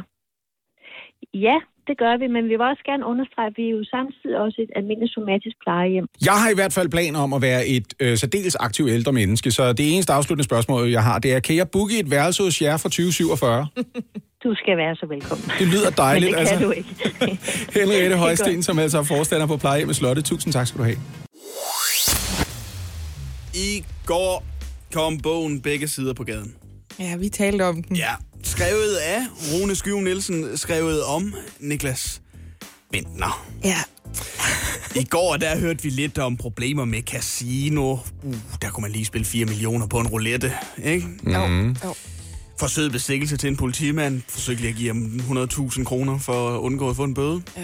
Bentner har sagt lige ud, at han fik næsten 2 millioner kroner for det der Paddy Power underbuksestunt.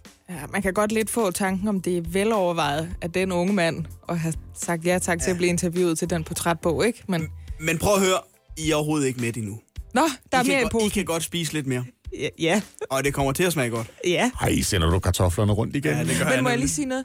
Hvad, hvis man nu sidder derude og tænker, jeg ønsker mig den bog i julegave, skal man så slukke nu, for der bliver spoilet lidt, gør der ikke det? Der bliver spoilet, men så vidt jeg kan forstå, så er det her en brøkdel af, hvad der er i Hvad bogen. der er altså, det er simpelthen bare en guldmine af anekdoter fra Niklas Bentners liv. Så det her, det er bare det, der svarer til den der citronsorbet, man lige kan få imellem måltiderne. det her det er en dråbe i havet af, hvad man får, hvis man køber begge sider. Den her Okay. bog er det en form for sportsladermæssigt særimner, den der gris, man bare kan blive ved med at skære af, eller Ja. hvad? Og så vokser det det, ud. Okay, sige. jamen så, så kom med det.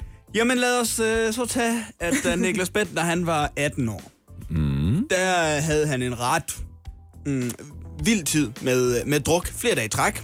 Hyppige besøg på stripklubber. Og så var det jo i sæsonen øh, 2007, øh, 6-2007, at han var udlånt fra Arsenal til øh, Englands næststørste by og øh, fodboldklub, øh, en fodboldklub, der hedder Birmingham City, som spillede i den næstbedste engelske række. Ja. Øhm, og resten af holdet fra Birmingham, de tog også en, øh, en del af de her udskejelser. Og som den yngste på holdet, så blev det forventet, at Bentner han stillede sin bolig til rådighed for medspillerne. Men havde de ikke selv noget sted at bo, eller? Jo jo, men hvis nu en holdkammerat havde brug for lidt private time med en, Gud, anden, de var utro i hans lejlighed. med en anden dame end sin kone eller kæreste, Så skulle må de komme hjem til Bentner og bolle nogle Ja. ja. andre damer. så er det helt almindeligt at spørge truppens yngste mand om et par timers husly. Nej. Så ringer de på. Har han været det- pimp? Som om det er et råhus. Og så får de lov til at komme ind i Bentners lejlighed. Nej. Hvordan er der nogen kvinder, der kan drømme om at blive kærester med en fodboldspiller? Nu Ja, spørger jeg bare ja, lige, ja. altså. Ja, eller komme ind i sådan, her skat, jeg har arrangeret, at vi kan bolle i den her mands entré. Altså, Eller i hvert fald lige vente til han er blevet en 3-24, han er bollet færdig, ikke? Altså. jo. Ja, Bentners lejlighed, som var på omkring 300 kvadratmeter, den blev i omklædningsrummet bare kaldt The Shack Pad. Hold nu kæft. Ej, hvor er det uschammerende. Nå, men i, i 2006, øh, der fik han jo så debut på landsholdet, mm. Bentner. 18-årig. Øh, han scorede 1-0. Vi vandt over Polen. Ja, øhm, fantastisk. Øh, hans forberedelse til kampen var bare ikke sådan helt tip-top, vel? Men det ved jeg ikke, hvad gjorde han? Jamen, fire dage inden debuten, øh, der øh, drak han sig bevidstløs. Prøv, jeg forstår ikke, at man kan være professionel fodboldspiller. Jeg tænkte også over det, da du sagde det før, det der med Birmingham, ikke? Sportsfolk er sgu da de mest disciplinerede, sundheds... Jeg lige ved at sige, Ja. befængte mennesker, som spiser perfekt, sover rigtig meget, træner og sådan noget. Hvordan kan man spille så pisse godt fodbold? Og det må vi jo sige, han er. Lad os sige, Niklas Bentner er relativt god til at spille fodbold. Jamen, det er i. Hvorfor kan man være så god til at spille fodbold, hvis man er stiv halvdelen af tiden? Men er det så ikke en del af det, at du ved, det der med at administrere dit talent på den måde, det skal stå i forhold til, hvor stort dit talent er. Fordi der er jo også folk, der gør det her, som ikke er talentfulde nok mm. til at slippe afsted med Ja. det. Det må simpelthen være, fordi Han er dygtig nok. er så dygtig, at han kan slippe afsted med bare at skide på træning nogle gange eller i perioder. Ja. Mens andre, der prøver at gøre det samme, de tænker, hvis Bentner kan, så kan jeg også. Du er ikke lige så god til fodbold. Han er, han er ham, der ikke behøver at lave lektier, fordi han var dygtig nok til bare lige at skimme det. Nu har jeg lige pludselig meget større øh, sympati for ham, vil jeg sige. Vi forstår Nå, ikke det høre, forstår jeg godt. Inden den her øh, debut med landsholdet som 18-årig... Er der så, mere? Så drak han sig jo... Jamen, han drak sig skidefuld, bevidstløs og druk fire dage før. Øh, Han, øh, Undskyld, han, debuterede han ikke som sådan noget 18-19 år eller sådan jo, noget? som 18-årig. Han tømte en flaske Fisherman, og øh, derefter så kan han ikke øh, huske noget som helst. Han kan bare... Øh, han har fået fortalt, at han besvimer. Så bliver han løftet over i en trillebør af nogle af drengene, som kører ham hen til hans 14-årige lillebror. Han sover og brænder den ud. Dagen efter går han op til landsholdslejren. Han træner med for første gang. Kan, kan ikke huske noget af den her træning, han har været med til. Den første træning med landsholdet nogensinde, og Bentner husker ingenting. Jeg, jeg kan ikke forstå det. Jeg kan, ikke- jeg kan simpelthen ikke forstå det. Og så tager vi lige den sidste. Der er mere. Det er her det vildt ved det. Jeg har jo, altså der, hvor han har ligget og brækket sig på gulvet af den der Fisherman's Friend, der har jeg jo siddet. Det er jo Christian Fuglendorf bor i det hus i dag. Er det rigtigt? Ja, ja, Fuglendorf bor i Bentners barndomshjem. Gud, var der meget sladder. Vidste du ikke det? Nej, øh, nej, det vidste vi da Nå, ikke. nå, den Prøv at høre, kender ham da ikke. Nå, okay. Det var altså ikke kun i, uh, i Birmingham og uh, på landsholdet, at Niklas Besser, han, uh, eller i Birmingham, han festede løs. Fordi Nej. han beskriver også, at der har været en udpræget festkultur på landsholdet, hvor der er blevet holdt rumfester. Rumfester. Det fungerer sådan, at landsholdet de samles jo på Marienlyst, når der er landsholdssamling. Ja. Landsholdets værelse ligger i den ene ende af Marienlyst, og så siger Niklas Bentner, så får vi jo så lige nogle friske piger til at medbringe forsyninger og booke værelser i den anden ende af Marienlyst. Mm-hmm. Så når øh, trænerne og de andre ledere, de var gået i seng, så kunne man luske derover og gå til den. Hold nu kæft, hvor skal man være eftertragtet af unge kvinder for at få, altså kunne få dem til at, at ligesom både, både sådan noget, skal du ikke med hjem til min holdkammerat, så kan jeg knalde dig på et lejlighed. gæsteværelse, sådan at min kone ikke opdager det. Men også det her, booker du ikke lige et værelse på Marienlyst ja. over i den anden fløj, så kommer jeg og knipper dig, og så, undskyld, der er børn, der hører det her, så kommer jeg og knaller dig, og så smutter jeg over på mit eget, fordi det er meget fint at sige knalde, Ja. og så løber jeg over på mit eget værelse, så jeg er klar til øh, morgentræning i morgen. hvis du gider at sørge for, at du er fuld, når jeg ankommer, ja, tag, tag dit eget hvidvin med, Kælling. Gud, hvor er det sindssygt. Ja, men som sagt, ja, altså det her er bare en Men det en der er jo faktisk ikke engang... Altså, selvfølgelig er der også en historie om Niklas Bender, men det er jo også en historie om fodboldspillere generelt. Ja, ja, altså, men Niklas Bender siger også, at det vil undre ham, hvis DBU de ikke vidste noget om det her. ja, det kan være, at de ikke er så imponeret over, at han skal trække bukserne ned på alle de andre spillere. også. Jeg forstår jo godt, hvad det er, han mener. Det er jo ligesom, når man selv er sådan noget 15-16 år gammel og ligger og boller på en skibsbriks et eller andet sted lige ved siden af køkkenet, og man lader som om ens forældre ikke ved, hvad det er, man laver med sin kæreste, ikke? Har jeg Du hørt. se ind i min fortid, eller? Se, det er det, jeg mener. ja, det der har jeg 100% gjort. Åh, oh, for fanden. Ej, nej, nej, nej. Men tak til Bentner for ligesom at sætte sig op til at lave den her bog. Jeg, er altså, jeg er så Oliver for- ud have den Ja, bog. hold Jeg har kæft. på en måde aldrig været større fan-person. Nej, jeg Jeg er også imponeret, faktisk. Ja, det er fedt. Nå, prøv at høre. Øh, det er en øh, tur de følelser her til morgen, fordi først så bliver man simpelthen så glad og bevæget over for, hold kæft, hvor er det en god gave, jeg har fundet på her. Tusind tak. Jeg har fået, det skal lytterne lige høre, et gavekort til en sushi-restaurant. Og det er jeg så glad for, fordi jeg elsker jeg ved, hedder det, sushi med tun. Men det må man helst ikke spise, når man er af Prix. Så der Åbenbart, er noget ja. der til, når jeg har øh, smuttet mandler. Ikke? Motivation. Og så er det så, det bliver tur de følelser, fordi nu skal jeg være rigtig vred, fordi øh, vi skal til at tale om fed front, og så bliver jeg vred. Og jeg skal virkelig tage mig sammen, inden jeg skal levere den her historie, fordi jeg bliver simpelthen så frustreret over den. Men det er historien om, hvordan Fed Front, altså gruppen, der siger, at tykkhed ikke er negativt, og at overvægtige kvinder, der er ked af deres vægt, ikke er det, fordi de individuelt og helt personligt gerne vil tabe sig, men de er kede af det, fordi samfundet har et problem med dem. Og det er altså helt reelt, hvad de siger, mm. at, at tyk, tykhed eller tykfobi, som de kalder det, kun er et problem, fordi samfundet siger, det er et problem. Og nu trækker jeg så luft ind, og så øh, beder jeg Lasse om hjælp til at fortælle historien om, at Frid øh, Front så slår til igen nu. Denne gang er det så Jyllandsposten, og med budskabet om, at øh, julemærkehjem sender et signal om, at det er godt at mobbe børn. Og der skal vi så lige huske på, at julemærkehjemmene, det er jo de der initiativer fra helvede, som hjælper børn med lavt selvværd, børn, der føler sig ensomme, børn, der bliver mobbet, børn, der er overvægtige. Fy for helvede, mand. Ja, men øh, du er nødt til at fortsætte. Jeg trækker vejret imens. Okay. Det her er et opslag fra Fed Fronts øh, Facebook i mandags. Og vi læser lige op. Det her, det er altså Fed Fronts ord, ikke? Ja. Forsvarere for julemærket argumenterer for, at det er synd for de tykke børn ikke at hjælpe dem. Det er et pseudo-argument. Hvis man vidderligt vil hjælpe børn, som udsættes for mobning på grund af tykkhed, skal man lære de slanke børn ikke at mobbe de tykke børn. Det er naturligvis et ansvar, som man i første omgang kan mene ligger hos forældre, lærere og pædagoger, men det er ikke så simpelt. Jeg prøver at fortsætte så her med det Facebook-opslag. Ikke? Mm. Hele den tykfobiske struktur, som i meget høj grad definerer vores samfund og kultur, kultur undskyld, bygger på et hierarki, hvor slanke er mere værd end tykke. Og når de tykke børn så bliver taget ud af skolen og sendt på julemærke hjem, bliver både de tykke og slanke børn bekræftet i, at det er godt at mobbe de tykke børn, så de kunne blive taget ud af skolen og få minimeret deres kropslige andethed. Åh, oh, det er meget mærkeligt, konkluderet det der, ikke? Fordi jeg tror, vi kan blive enige om, der er ikke nogen, der skal mobbes på grund af deres krop. Selvfølgelig er der ikke det. Vil de godt holde op med Vil det, du ikke? læse videre nu for mig, fordi jeg er Okay. nødt til at trække igen nu. Direktør i Julemærkefonden, Søren Ravn Jensen, han er overrasket dybt øh, ikke overraskende dybt uenig i kritikken her. Ikke? Han peger på, øh, at julemærkehjemmene de primært tager hånd om de børn, som har været udsat for mobning, for at ruste dem til at imødegå den. Men hjemmene de tager altså også imod mobbere.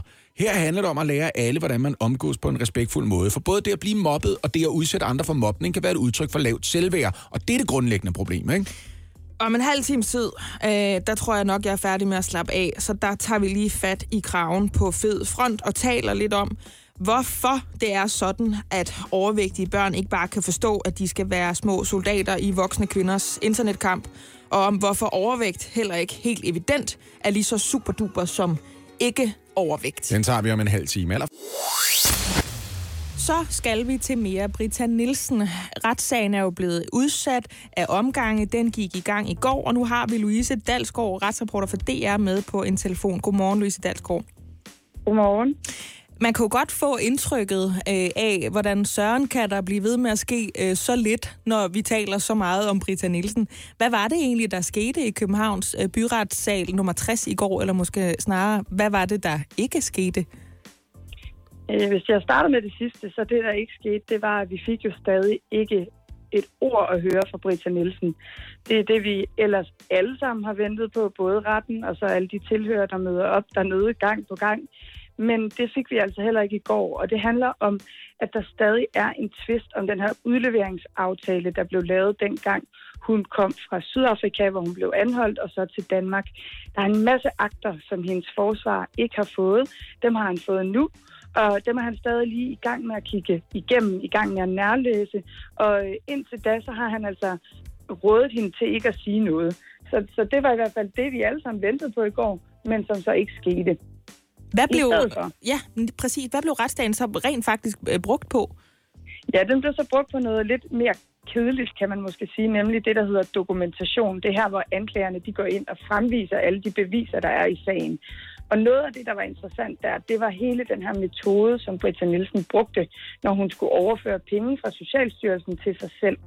Blandt andet så var anklagerne inde og øh, fremvise, at øh, når en forening som Foreningen for Cystisk Fibrose, de fik tilskud, og de så skrev til Britta Nielsen, som øh, administrerede de her tilskud, at de ikke kunne få brugt alle pengene for 2017. Så skrev Britta tilbage, det var rigtig ærgerligt, det var hun ked af, men de kunne desværre ikke bruge pengene året efter, for det var simpelthen ikke en mulighed. Men i stedet for, at de her penge så røg ind til Socialstyrelsen, så opdigtede Britta Nielsen, i stedet for, at hun havde haft falske telefonsamtaler med øh, den her forening for cystisk fibrose, og så skrev hun øh, en, mail til ikke, en mail til ikke eksisterende e-mailadresser. For eksempel skriver hun så, ja, vi har haft den her telefonsamtale, jeg har noteret, at I har skiftet kontonummer fra det her kontonummer til et andet kontonummer, og i stedet for, at det var kontonummer tilhørende foreningen, jamen så var det kontonummer tilhørende Britta Nielsen. Og den mail, den sender hun så afsted til en ikke eksisterende e-mail, så det ligner, at den er blevet sendt. Og så lægger hun den ind i Socialstyrelsens system. Og så skriver hun bagefter til sine kolleger, at øh, de kan se, at der er blevet den her, den her mailkorrespondance, og hun har også haft en opringning fra repræsentanten for cystisk fibrose, om at der altså kommer til at være nogle penge øh, øh retur, nok 36.000. Så vil kollegaen ikke lige holde øje med, om det beløb bliver returneret, og hvis det gør det, jamen, så skal det bare sættes ind på den her konto. Og så skriver hun også helt åbenlyst sin egen konto til kollegaen. Og på den måde, så får hun altså penge. Wow, altså nu hvor Britta Nielsen ikke selv vil udtale sig, så bliver det hendes digitale fodspor, der indtil videre udgør det meste af bevisførelsen i forbindelse med retssagen. Øhm, hvilke andre digitale fodspor har hun efterladt sig? Ja, altså der er jo det interessante, øh, nemlig det, at øh, hvor er pengene blevet af. Og der er jo mange digitale spor fra hendes bankkonto. For eksempel kan man se, at hun har hævet 25 millioner kroner i kontanthævninger fra sin bank. 2.904 gange har hun været i banken, enten ved en automat eller inde i banken, for at få penge. 100.000 vis af kroner hver måned, og det er altså blevet til 25 millioner. Så er der også gået mange penge til udlandet. Her er der til Tyskland, til Sydafrika, til Holland gået 48 millioner. Så det er det her med, hvor pengene er blevet af. Men så er der også det meget kuriøse, altså at man finder en iPhone på hende, da hun bliver anholdt. Og den iPhone, den udlæser man som det hedder. Man kigger altså, hvad har hun lavet søgninger, hvad har hun liggende på telefonen, hvem har hun ringet til. Og der kan man se, at da det begynder at brænde på, efter at øh, hendes søn er blevet anholdt, mens de er på flugt i Sydafrika, der begynder hun altså at google, hvordan kan man gemme øh, smykker i Johannesburg, hoveden, hovedstaden i Sydafrika. Hvordan kan man gemme penge? Hvordan kan man lave en, det, der hedder en trust, altså hvor man kan øh, få andre til at passe på nogle penge. Og så begynder hun også at google, hvad får man øh, i fængsel? Altså, hvor skal man afzone 6 års fængsel? Horserød øh, statsfængsel googler hun, og sådan nogle ting. Ej, der mangler nærmest bare how to get away with crime. Ja, det... øh, Hold da op. Faktisk googler hun også, hvor lang tid kan man være anholdt i Sydafrika. Hun googler også sådan noget som, er Mauritius en del af Sydafrika? Og der mener anklagemyndigheden jo, at det er fordi, at hun dels stadigvæk prøver at vil være på flugt, men også, at der måske er nogle midler, hun gerne vil af med, nogle værdier, hun gerne vil af med, fordi de ikke skal tilbage til den danske statskasse. Den tanke kunne man i hvert fald godt få. Helt afslutningsvis, øh, Louise Dalsgaard, altså retsreporter for DR. Den næste retsdag, det er på mandag. Forventer I jer noget som helst der, eller bliver det mere stillhed fra Britta Nielsen? Ja, jeg, jeg tror, jeg skal passe på med at forvente noget som helst, fordi den her sag har taget drejning på drejning. Så øh, vi ved, der er en retsdag, om den kommer til at fortsætte med flere beviser, der skal præsenteres vidner, eller om vi hører fra Britta Nielsen. Øh, det tror jeg, jeg vil undlade at svare på. Tak fordi du var med her til morgen. Selv tak. Og øh, vi har jo snakket allerede om, hvordan vi endnu en gang er godt i gang med at få blodtrykket i K over et opslag Fed Front har lavet på Facebook. Det er skægt, fordi jeg kan jo godt lide overskriften. Øh, skal vi ikke lige tale pænt om og til hinanden hele tiden, og i hvert fald ikke lade kroppe gøre det, der gør, om vi taler pænt eller grimt til hinanden. Men så er der lige et ekstra led i hele den der politiske aktivisme, ikke? Det er som om, at jeg får øh, myrekryb, når Fed Front de skriver på Facebook, at julemærke hjem sender et signal om, at det er okay at mobbe overvægtige børn. Mm. Vi havde tre skønne unger fra netop et julemærke hjem i studiet for tid tilbage, fordi vi lavede et samarbejde med de danske julemærke hjem. Og øh, en lille fang af det interview, vi vi lavede med de her øh, unger, det lød øh, sådan her. Jeg hedder Sille, og jeg er 13. Jeg hedder Ronny, og jeg er også 13. Jeg hedder Emil, og jeg er 13. Og hvad er det nu, I tre I har til fælles? Dårligt selvtillid, tror jeg. Øhm, vægt. Dårlig selvtillid, selvtillid og øh, med skoleproblemer. Føler I, at I har fået hjælp til at forstå jer selv bedre, eller få det bedre, efter I er kommet på julemærke hjem? Mm, meget. Hvordan kan du mærke det, Sille? Ja, fordi hvis folk prøver at gøre mig ked af det, så bliver jeg ikke ked af det på samme måde, som jeg gjorde engang. Ikke. Ja, men det, og jeg har det ligesom dig, Lasse. Altså, jeg, jeg bliver sådan helt, dels bliver rørt bare over at høre de her svar, og lidt bævende stemmer, som siger, at jeg har dårlig selvtillid, og jeg er ikke helt sikker på mig selv. Og når man så får at vide, at det her det er hjulpet, så tænker jeg bare, du kan ikke være et ordentligt menneske. Du kan ikke være et ordentligt menneske, hvis du har et problem med det her. Præcis, fordi når Fed Front de mener, at det at hjælpe overvægtige børn med at tabe sig på julemærke hjem, det blåstempler samtidig at mobbe dem, så er vi nødt til at sige, lidt ligesom julemærkehjemmene selv har sagt til det her, det er for det første ikke kun overvægt, det handler om. Det har I lige hørt her i vores interview. Jeg er faktisk med, langt med fra, ikke? Julemærkehjemmene, de tager faktisk også de her mobbere ind. Og Mm. så tror vi, at enhver godt ved, at de fleste skoler er opmærksomme på mobning.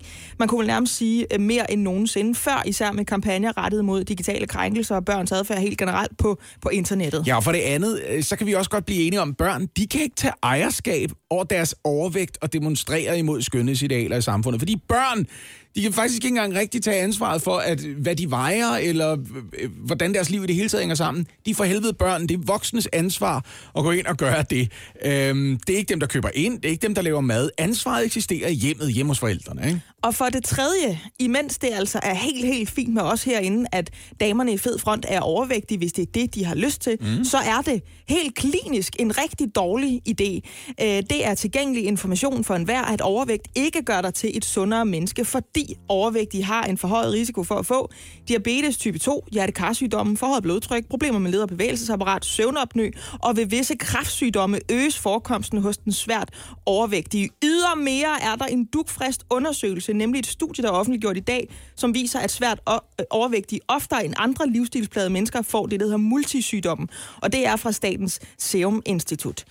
Ja, så vi snakker sundhed og ikke æstetik her for helvede. Altså, der er to forskellige ting. Det er aldrig nogensinde håne andre mennesker for den krop, de har, eller hvordan den krop ser ud, vel?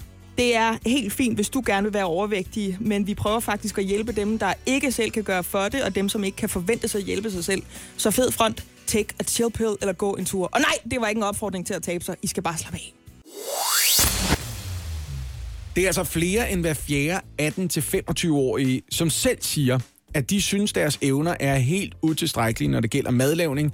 Det er, hvad vi ved på baggrund af en endnu ikke offentliggjort undersøgelse for vidensorganisationen, der hedder Madkulturen. De hører under Miljø- og Fødevarestyrelsen. Og de siger også, at det er unge mellem 18 og 25, der laver mindst hjemmelavet mad. Og når jeg kigger lige tilbage, vi skal faktisk 25 år tilbage for mit vedkommende, for jeg havner i den der aldersgruppe. Ja. Så synes jeg, det lyder ret bekendt i virkeligheden, så jeg ved ikke, hvordan udviklingen den har bevæget sig i løbet af de mellemliggende 25 år. Men det kan vi blive en smule klogere på nu, fordi i røret har vi Jon Fuglsang, som er lektor ved Institut for Ernæring og Jordmorkundskab ved Københavns Professionshøjskole.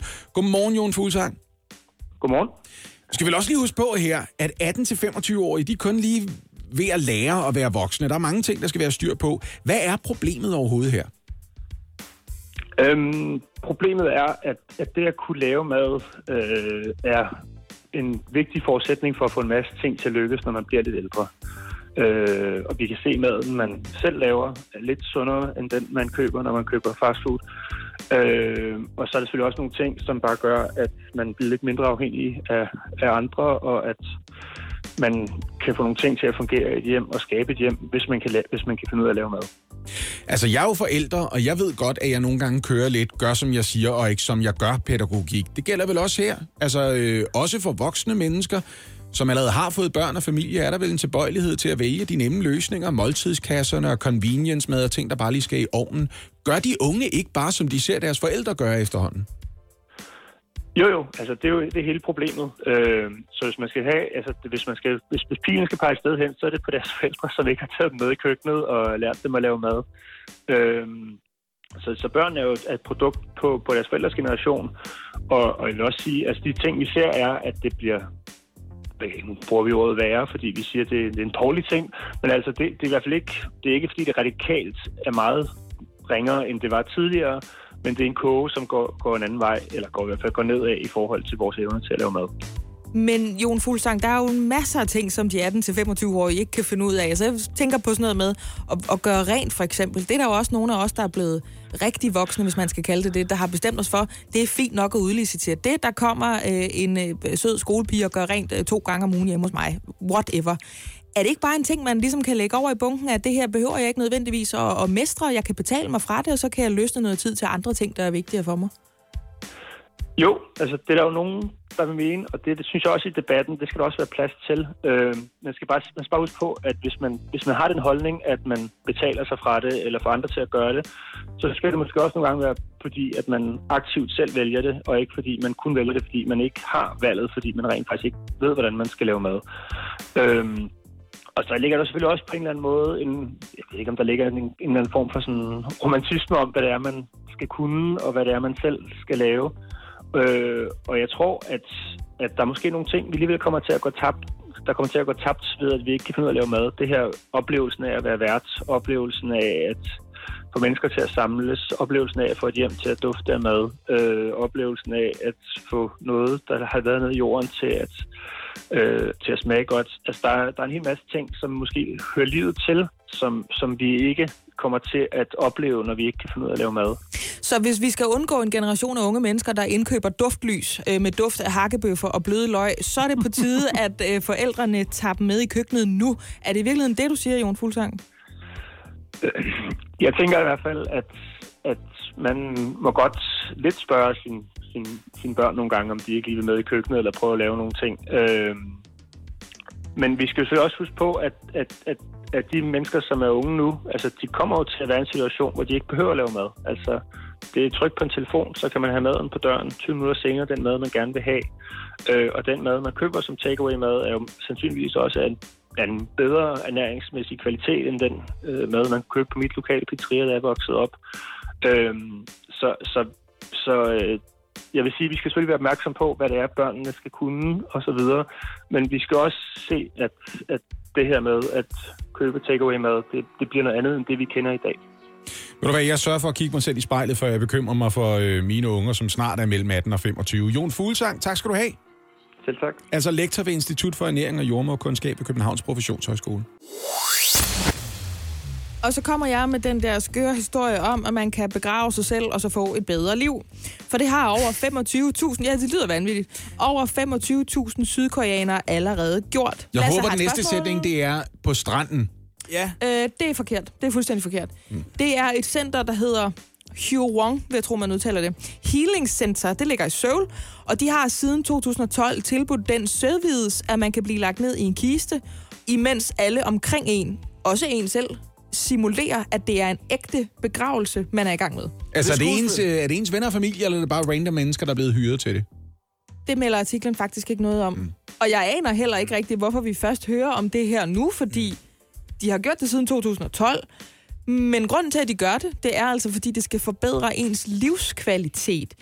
Når du først er blevet bevidst om døden og har oplevet den, det er så lidt en tilsnigelse, man har jo ikke oplevet den ved at ligge og knive øjnene sammen med 10 minutter, så påtager du dig en ny tilgang til livet, siger en skør sydkoreaner, der altså har prøvet det her. I den her sødvides får man ligeklæder på. Det er jo typisk sådan noget hvidt tøj, eller måske endda noget tøj, man selv har ønsket, man gerne vil begraves i. Ja. Så får man taget begravelsesbilleder. Det er ikke noget, vi bruger ret meget herhjemme. Det bruger man meget i andre kulturer, hvor man ikke er lige så bange for døden. Det er, at man ligger... Hvis du kan forestille dig sådan en form for øh, lidt mindre lidt parat. Det kan nogle diktatorer eller statsledere, afdøde statsledere, nogle gange godt blive udsat for. Ja. Og så ser man, øh, folk bliver ligesom lagt frem på skue, eller til skue, kan man sige. Så er der blomster rundt omkring. Og så. Så typisk er de blevet Ah. balsameret først, så Det er der er en de masse taget- avispapir inde i dem, ikke? Det er de, der er taget til ekstrem grad i Rusland, hvor man kan gå ind og se Lenin. Ja, for eksempel, faktisk, det er ja, det, jeg mener. Faktisk, ja. Men, men man gør det også, altså øh, mange steder i USA for eksempel, gør man faktisk det der. Vil man ikke også sætte pris på livet, hvis man for eksempel kunne betale nogen for at blive født igen? Så vil man ligesom også tænke, jamen det var også fedt, at jeg ligesom øh, kom i man gang kunne med det her. betale en stakkels kvinde med et rummeligt underliv for at blive mast op, og så blive Jeg presset ud måske igen. simulere det på et andet plan, men i hvert fald lave en eller anden form for oplevelse af at komme ud gennem fødekanalen og få et smæk i røven, og så øh, held og lykke på rejsen. Jo, altså man kan sige... En bodybuilder, der hiver dig op i fødderne og jeg bare... tror, Lasse, det, nu er du en mand på... Altså, der er ikke så forfærdelig lang tid, til du bliver 50. Hvis du skal gøre dig forhåbninger om at komme i nærheden af kvinders fødekanaler, som Ja. du kalder det, så bliver det nok kun med dele af din krop fra nu af. Ja, det, Det nok er, det på. er der også en stor fornøjelse i, og der vil jeg sige, der sætter man også pris på livet jo. Jamen, det er jo også lidt petit mort, ikke? Den lille død. Og så vidt jeg forstår, også noget, man kan betale sig fra at opleve. Ja, man... men du er gift, så den tanke, den dropper du, og så hører du i stedet for på, at man faktisk også skriver et testamente her på det der Hugh Wong Healing Center i Seoul. Kæft, de går i bund med det der, mand. de, de, mener det helt seriøst, ja. ja. og så ligger man så i kisten i 10 minutter. Og så står man jo så op af kisten igen, og så skulle man efter sine være blevet helt glad for tilværelsen af at have, have lagt dernede. Mm. Er der ikke nogen skridt på vejen, man kan tage, før man vælger at lægge sig ned i en kiste, for Ej. at finde ud af, hvad livet betyder for Nej, en? der er kun det. No, no, det Der er er det kun det. Du skal, du skal ikke begynde at snakke med din familie Nej. eller med dine venner. Lad for guds skyld være med at sige til din arbejdsgiver, jeg tror, jeg går på deltid i en Mm. periode, fordi jeg har det sgu sådan lidt skidt ind i følelserne. Du skal bare ned i en kiste. Begrav dig selv. At Fordi det at du være bliver så gla- glad af det. Det at være glad for livet, det er jo at være glad for ikke at være død. Det er du nødt til at forstå, Oliver. Det er det eneste, der er ved at være i live. Så hvis du lige er lidt død, så bagefter bliver du rigtig glad for, at nu er jeg ikke død længere. Ved I hvad det ville hedde på dansk? Det ville, det ville hedde, det kunne da være værre services. ja, det ville være det. I virkeligheden, så skulle du bare sidde ved siden af en 90-årig, der brokker sig over, hvor ondt de har overalt, og så skal man ligesom tænke, jeg er bare glad for, at jeg ikke er 90. ja, det ikke bare det? find nogen. Men det, det kan man jo bare praktisere. Det behøver man jo ikke engang altså, at I give penge Nordjylland for. ville det hedde, det er ikke så ringe endda. Ja, Det er jo lige gået op for mig, at for jer to, øh, øh, det er sådan, vi har det, når vi ser på dig. det er det. På en 24-årig, en 31-årig, I skal da kigge på mig til mig og sige, jeg har aldrig været så glad for at være i live, som efter jeg begyndte at arbejde sammen med ham den 47-årige.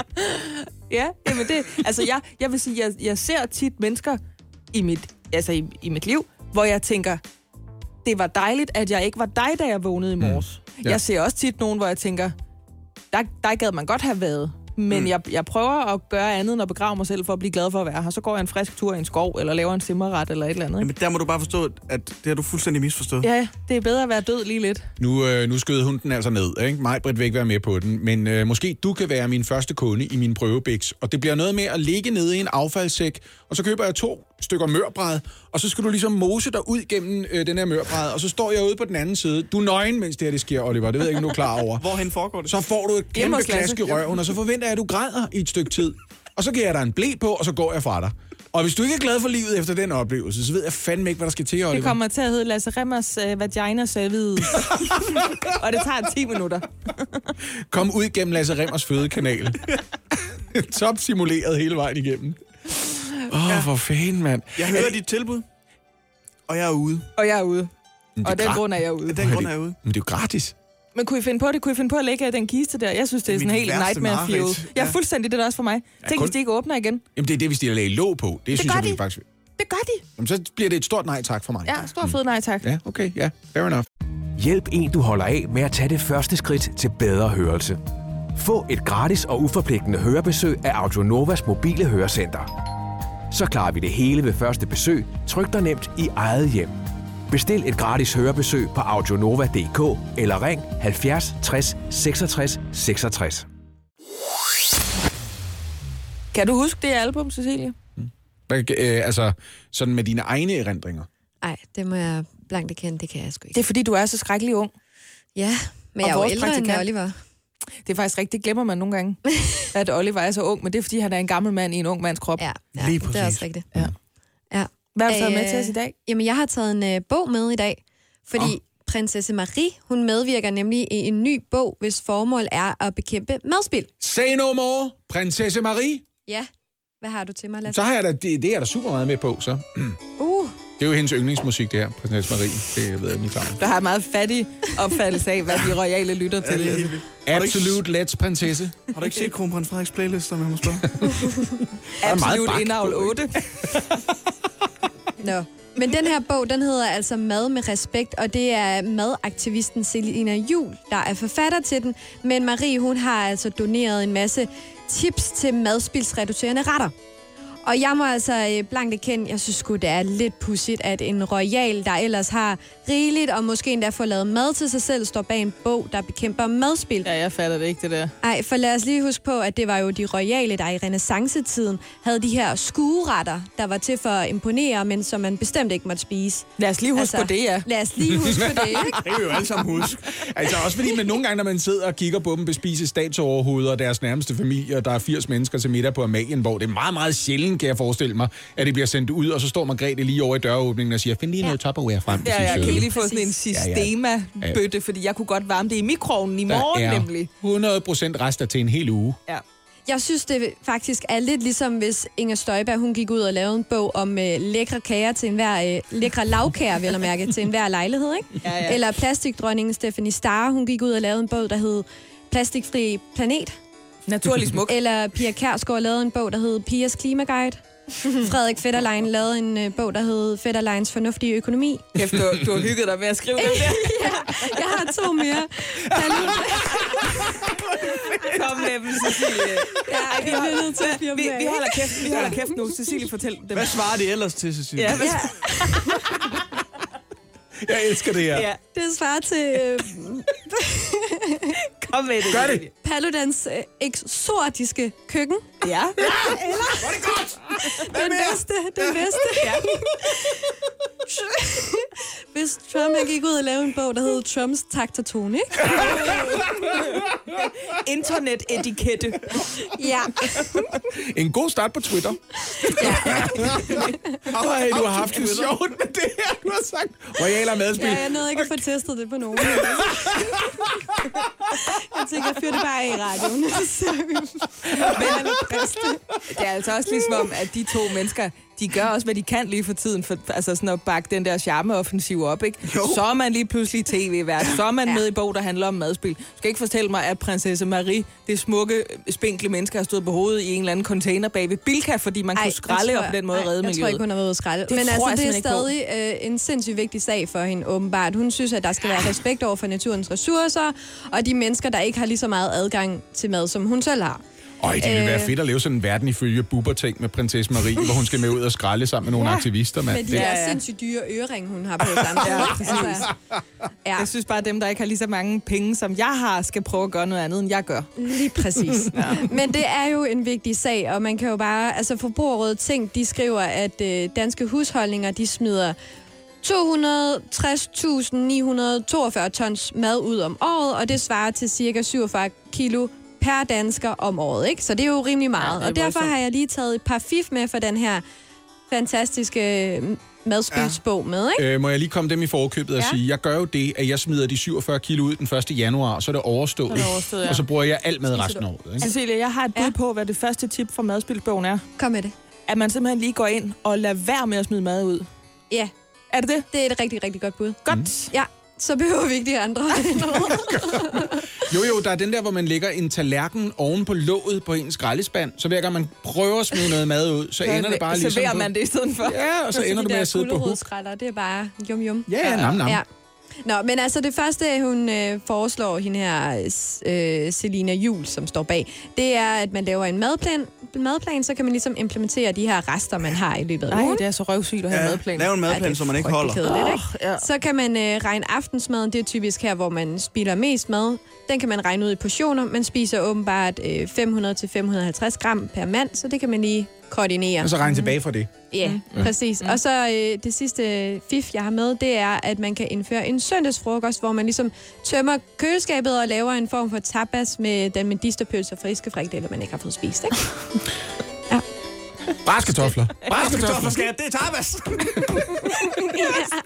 Var det ikke det første, I tænkte? Det har da aldrig vidst. Det har da aldrig vidst. at Medisterpølse, det er tapas. Og det, men, det, men det er jo reglen, det ved man også. Jeg har jo talt om de der madgrupper på Facebook en gang før i dag. Det er reglen derinde, at hvis man skærer noget småt nok ud, så bliver det til tapas. Ja, ja.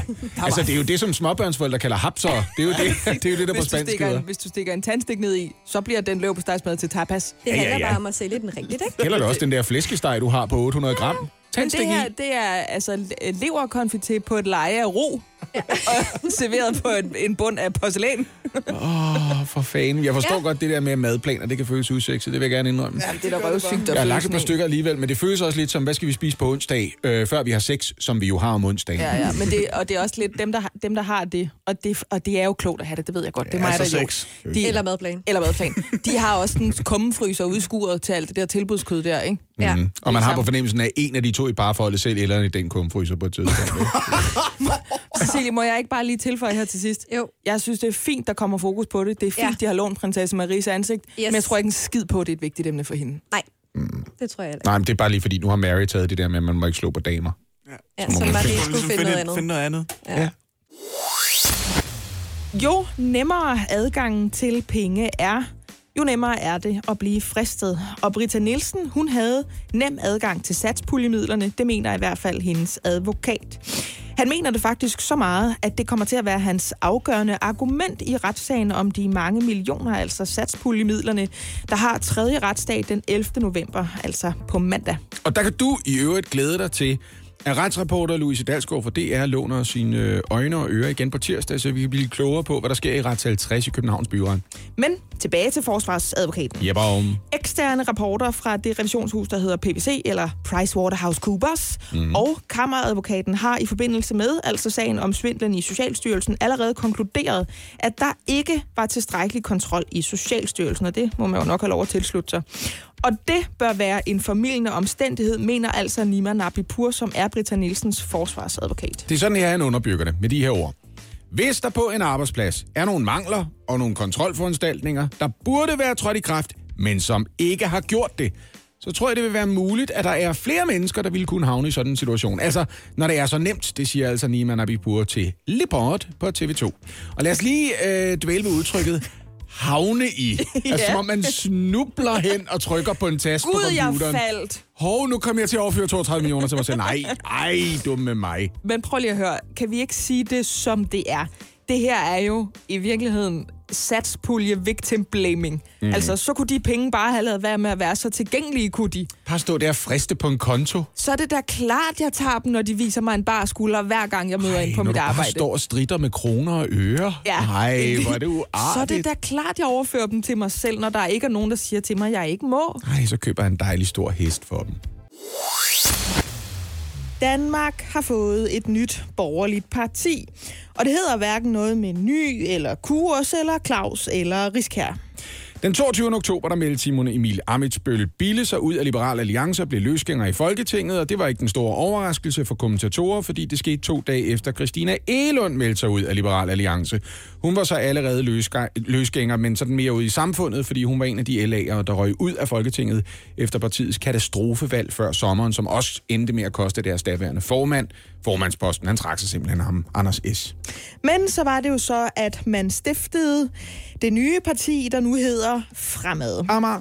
Og det, Jeg kommer til at gøre det hver Hold op, Lasse. Jeg ved det godt. og det er, nu er vi nødt til at høre efter nu, for det er jo 100% ikke fordi, at de to, altså Simon Emil og Christina, tabte kampen internt om magten i Liberal Alliance. Nej, nej, nej. Det er 100% fordi, der mangler et parti, som står for nogle ting, som helt ærligt Simon Emil selv øh, var lidt imod måske, da det var nødvendigt at være imod dem, for at Liberal Alliance kunne sidde i regeringen. Jamen, sådan kan man jo altid blive klogere, ikke? Ja. Fremad, Amager, ja. er nemlig et parti med mærkesager, fem af dem. Og øh, mærkesager, det er sådan noget, en, et nyt parti kan bruge, når de skal forklare, hvad det er, de kan, som de andre ikke kan, før de har fået skrevet hele deres partiprogram. Så mm. nogen kommer og siger, hvad skal vi bruge jer til? Så er det lidt ligesom, øh, hvorfor er der brug for endnu en gourmet-burgerkæde? Jamen, det er fordi, vi laver de samme gode burger, men vi kommer trøfler i majoen. Ja. Det skal man være klar til at kunne forklare, ikke? Ja, det ja. kan for eksempel være sådan noget, stop volden. Ja. Og så behøver man ikke sige så meget om, hvordan den skal stoppes. Nej, nej, den skal bare stoppes, og de andre er jo for vold. Det kan vi jo blive Præcis, om, ikke? Altså mere ja. vold nu. Mm. Øh, mærkesag nummer et. Færre og fast udlændingepolitik. Øh, lidt ligesom Anders Fogh. Han stod jo for en færre og fast udlændingepolitik. Og det her, det er nok lidt det samme, men i dag, der er udlændingebutikken, øh, butikken, hvad jeg ved at sige, udlændingepolitikken øh, fast nok. Den kunne måske være mere fair. Mm, og hvad vil det så sige? Konkret svarer Christina Elund, Jihadisternes børn, de skal hjem fra Syrien. Nej til burgerforbud. Stemte Simon Emil selv for det forbud, da han var minister? Ja, Ja, han gjorde, det ja, det gjorde han. han. Det Det, gjorde ministeren, det skulle de for at være Det, og det skulle de, og Ja. det ved vi godt. Ja, ja. Mærkesag nummer to. En stærk europæisk stemme. Ligesom de radikale, bare mere skeptiske. Ja. Mærkesag nummer tre. At tage klimaudfordringerne alvorligt. På klimaområdet, der erklærer partiet sig blandt andet enige i en reduktion med 70 procent af CO2-udledningen, og der er de på linje med stort set alle partier i Folketinget, med undtagelse måske den yderste højrefløj af Dansk Folkeparti. Præcis. Så er der... Hvad nummer er jeg kommet til, Lasse? Nummer fire, tror jeg. Nummer 4. Ja. Det er fordi, det er så nyt, nyt, nyt for mig, det her. Ja, det er, det er helt også- nyt. Ja. Et økonomisk bæredygtigt Danmark. Lavere skatter, fede tider for erhvervslivet. Ja. Helt nye toner for et borgerligt parti. Præcis. Og så er der mærkesag nummer 5, og nu er vi ved at være i mål. Ja. Frihed til forskellighed. Gud, hvor har det manglet. Ja, det har vi manglet. Ja. Alle de andre skide partier, der ikke kan finde ud af Alle det. skal være ens. Ja.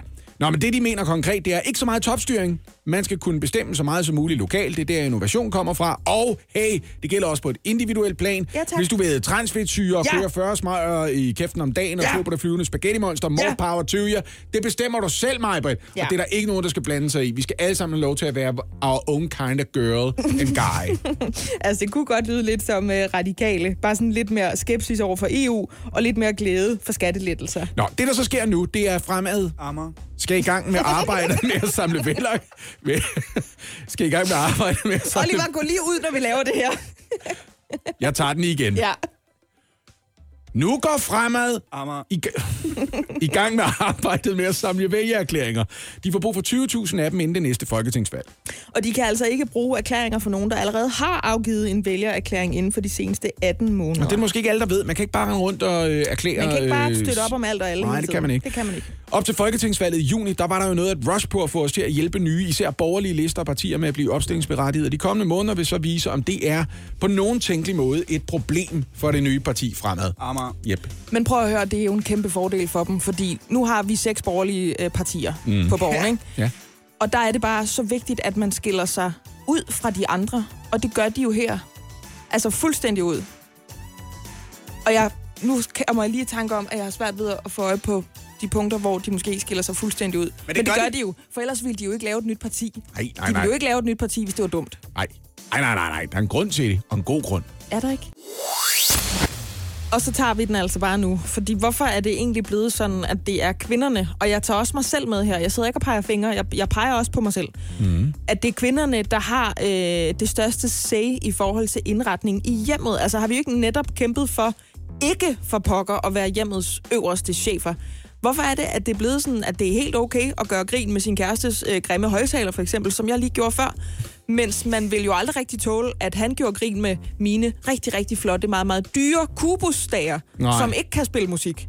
Altså, hvorfor er det blevet sådan? Jeg aner ikke, hvordan vi er havnet i en situation, hvor det der med, hvad god smag er, det er noget, som er afleveret på kvindernes domæne. Ja, ja. Øhm, fordi god smag er jo...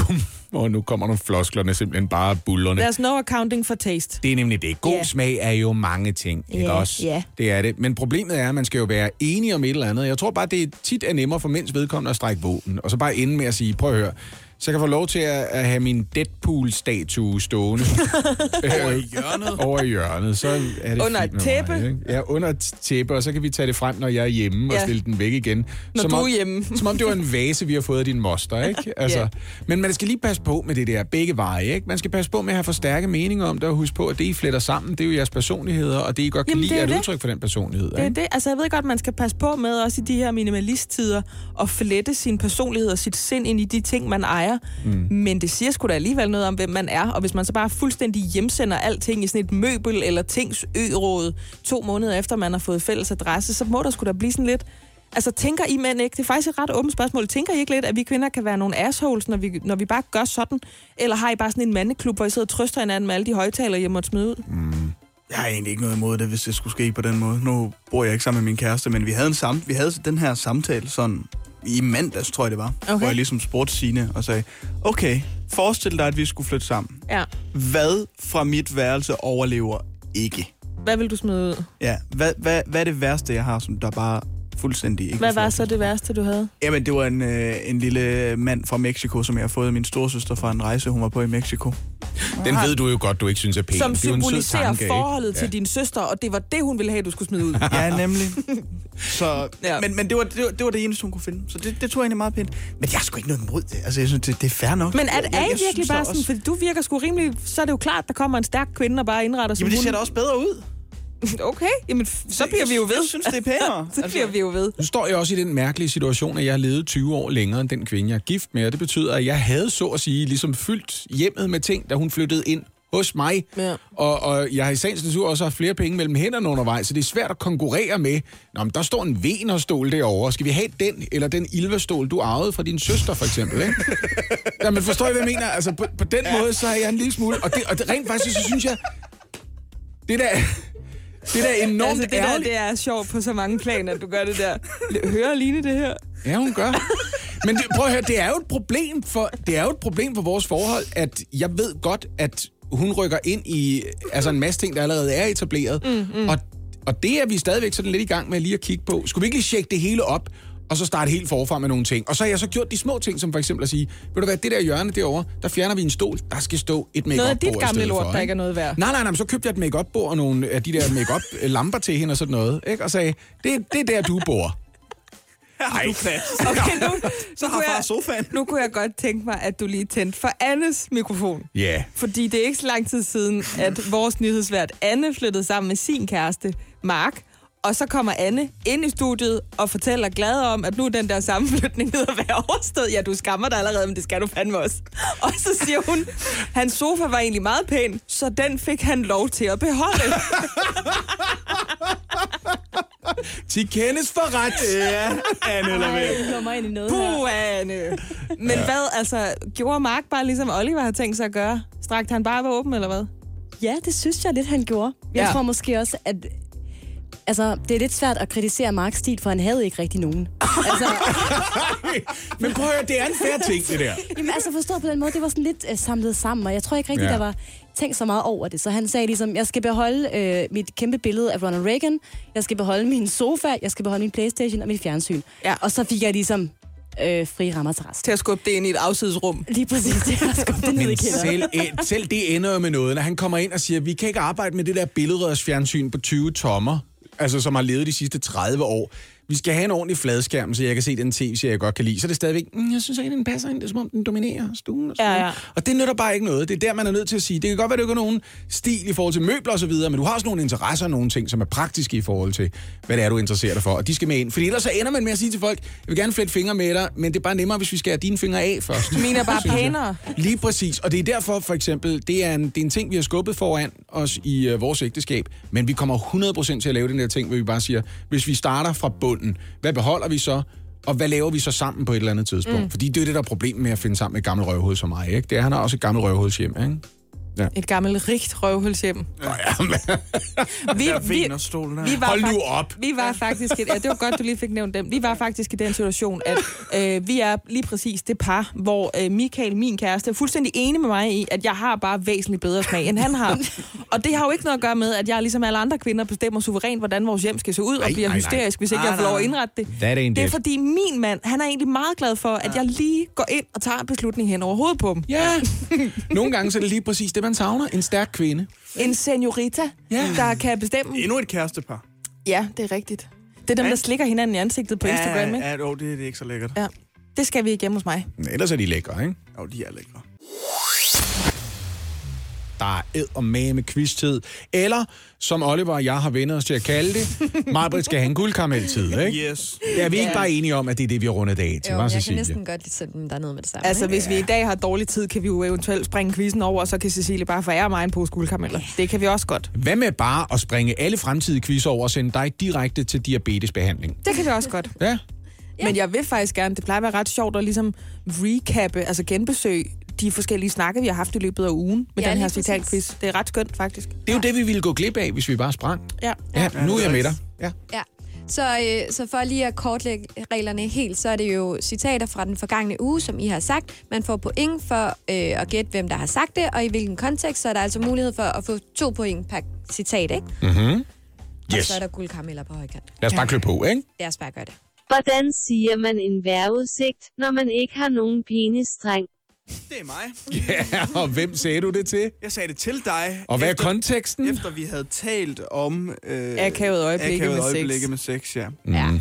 Præcis. Så hvordan siger man en vævesigt, når man ikke har nogen penisstreng? Var Yes. altså. Det er fordi Lasse ikke har nogen peningstreng, kan Ja, jeg tak skal fortælle dig, hvis det var, du ikke hørte det. Ja, den, den sidder bare anderledes, end den gør på andre mænd. Ikke? Så det er bare... Yes. Hvis vi skal undgå en generation af unge, der indkøber duftlys med duft af hakkebøffer og bløde løg, så er det på tide, at forældrene tager dem med i køkkenet nu. Det er mig, Det er mig! Det er mig. Ja, det er så. Ja, og det var fordi, vi talte med uh, Jon Fuglsang, der er lektor i ernæring, om det her med, at hver fjerde unge mellem 18 og 25 faktisk ikke synes, de kan lave mad. Ja. Og så spurgte vi, jamen er det egentlig vigtigt? Fordi fra nu af kan man jo bare trykke på en knap, og så kommer der en pizza flyvende ind, øh, hængende i en tråd under en drone. Altså, Ja. hvor, hvorfor skal vi stadigvæk kunne det, ikke? Lige præcis. Ja. Ja, du har nemlig ikke fået guldkarameller nok, mig. Nej, nej. Hvis der sidder en mange millionær derude, så er jeg klar til at blive skilt fra dig. Det er mig! Det er Lasse, ja. Det var mig, der snakkede om drømmen om på et eller andet tidspunkt at blive forsørget, og, og jeg var ved at råde mod noget, i- altså skoldhit vand. Det var faktisk i går, tror jeg. ikke? Ja, ja. Mm. Det var det. Ja, og jeg bare lige sige, at jeg ved, at Line lytter. Øh, selvfølgelig er jeg ikke klar til det. Jeg øh, går i stedet for at vente på, at du bliver mange Og millioner. nu vil jeg bare lige sige, Cecilie, nu er jeg fuldt lidt med i quizzen her. Nå, Vi har alle sammen lige mange point nu. Majbrit har ikke et point mere end os. nej, faktisk så har mig Britt et point mindre end jer, ifølge min pointtagning. What?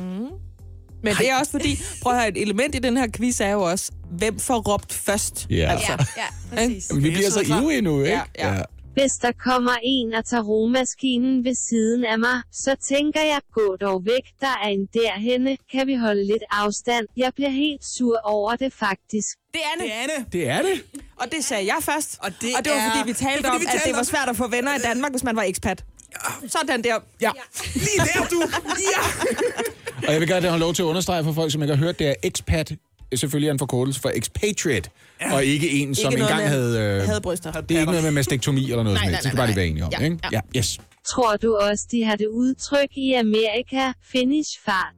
Det er mig. Det er Olli, ja. Jeg kan ikke huske. Åh, Slutbrud blev det så. Ja, Åh, slut prut. Jo, det var fordi, vi snakkede om, hvordan kommer man ud af en sang. Og så er der jo en, en pink-sang, som vi Nå, godt kan lide herinde. Som lyder sådan her. Som i slutter da da da da da. Og så sagde jeg slutbrud. Og så sagde jeg, Oliver, givet om det så hedder finish fart. Ja, Var det bare det? Der er ikke nogen videre kontekst. Jeg foreslog, jeg foreslog jo, at alle popnumre skulle sluttes med basta bum. Men det vil være underligt, det hed Finland slut, ikke? Ja, Finish det er rigtigt nok. Ja. Middle fart. Ja. Because I say so. Kunne også være en måde ligesom at slutte tingene af på, ikke? Mere citat. Åh, oh, hvor langt var vi kommet? Var det nummer 5, det her? Det er nummer 6, vi er til nu. Ja, ikke også? Mm. Kommer her. Det bliver noget med at ligge nede i en affaldssæk, og så køber jeg to stykker mørbræd, og så skal du mose dig ud gennem den her mørbræd, og så er står jeg lang, jeg ude på sige. den anden side. Du er nøgen, mens det her sker, så får du et kæmpe klask i røven, og så forventer jeg, du græder et stykke tid, og så giver jeg dig en blæ på, og så går jeg fra dig. Og hvis du ikke er glad for livet efter den oplevelse, så ved jeg fandme ikke, hvad der skal til. Jeg tror, der er verdensmester i at sige lange, lange citater uden punktum. Altså, hashtag, når man ikke kan ja. vælge et citat, ikke Cecilie? Så tager man bare en Så hel tager man snak. bare hele breaket. Jeg er stadig stolt af den idé, men det var fordi, jeg produktudviklede for åben mikrofon jo. Ja, Ja, ja, det det var man der. sige. Det var, vi snakkede om det der i Sydkorea med, at man kunne begrave sig selv. Det var Hugh Wong Center, hvor man kunne få et begravelsesservice, fordi på den måde, når man så ikke var død og kunne få lov at stå op af kisten, så, øh, det er mig, der skal have standpunktskarakter nu, standpunktskaramel, Ja. øh, så vil man øh, sætte pris på tilværelsen i en langt større øh, grad. Og så kiggede jeg på den anden ende af livet og sagde, hvad med det der, hvor man bliver født? Ja. Det bliver man da også glad for, at man ikke Ja. skal prøve igen, Og ikke? så er det derfor, man nu kan søge på det, der hedder Lasse Remmels fødselskanal. Ja. Og så kan man få lov til at komme hjem til Lasse og blive født ud igennem en mørbræt. Man skal bare ligge i en plastiksæk først, og så bliver man klemt ud gennem mørbræd, ikke? Yes, altid os. Det ville ikke have været et problem, hvis kvinderne var blevet hjemme, var det, du prøvede at sige. Og det er mig. Ja, og til det er mig. mig, Britt, Ja. til Lasse. Ja, og nu bliver jeg faktisk i tvivl om konteksten. Øh, det gør jeg. Jeg vil lige sige, faktisk. inden I siger konteksten, så står mig, Britt og Oliver lige, så det er virkelig... Øh, Jeg ved godt, hvad konteksten er. Det var allerede i går, der snakkede vi om det der med, er der overhovedet voksne nok i institutionerne? Og så kom jeg til at sige, men det er jo det der med de der øh, hårde hvide varer, som lige pludselig kom til og muliggjorde, at der blev frigivet en masse arbejdskraft i hjemmene. Og lige pludselig så kunne vi alle sammen komme ud på arbejdsmarkedet, så skal nogen passe vores børn på et eller andet tidspunkt. Og så sagde du, At du, du siger, kvinderne tilbage ja. til kø- Ja, ja. kødgryderne. Så sagde jeg, nej, nej, jeg sagde bare, at vi har fået kummefryser. Ja, men det var da også i forbindelse med det unge og mad. Altså sådan, unge havde svært Ja, mad, og det var ikke? det, jeg var lige ved at sige.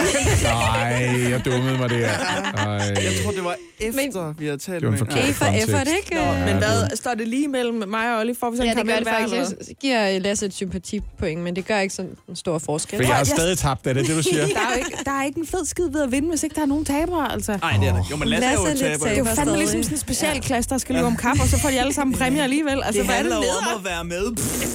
Ved I, hvem der har... Det handler om at se taberne græde. Så får I karameller, men ved I, hvem der har vundet her til morgen? Cecilie, fordi hun har lavet en flot quiz. Nej, det var et bedre svar end det, jeg havde faktisk. Okay. Jeg havde tænkt mig at sige, at, at Anna har vundet, fordi det er hende, der vælger sang i dag, men, det, men jeg er enig med dig i Cecilie. Ja, faktisk nu. Nu har jeg ombestemt mig her. Så det er mig, der må spise guldkaramel alene? Nej, jeg skal have dem. Jeg er spændt på at høre, hvad det er for en sang, du har valgt. Øh, fordi vi er allerede videre nu, end jer, der har fået guldkarameller, Oliver og mig. Ved det ikke også? Jo, Ej, Øhm. der kom en der, ja. Da Ja, lige der. Sådan der, ja. Du, også, også mig. Også mig, siger du, men du har ikke Jeg været med i jeg quizzen. bidrog Hvad med et citat til den her quiz. Det er Altså- faktisk rigtigt. Ikke? Jo. Nu fik jeg også en her. Ja, Okay. det er faktisk rigtigt. Morgen på Radio 100 med mig, Britt Maria Nielsen, Lasse Remmer og Oliver Routledge.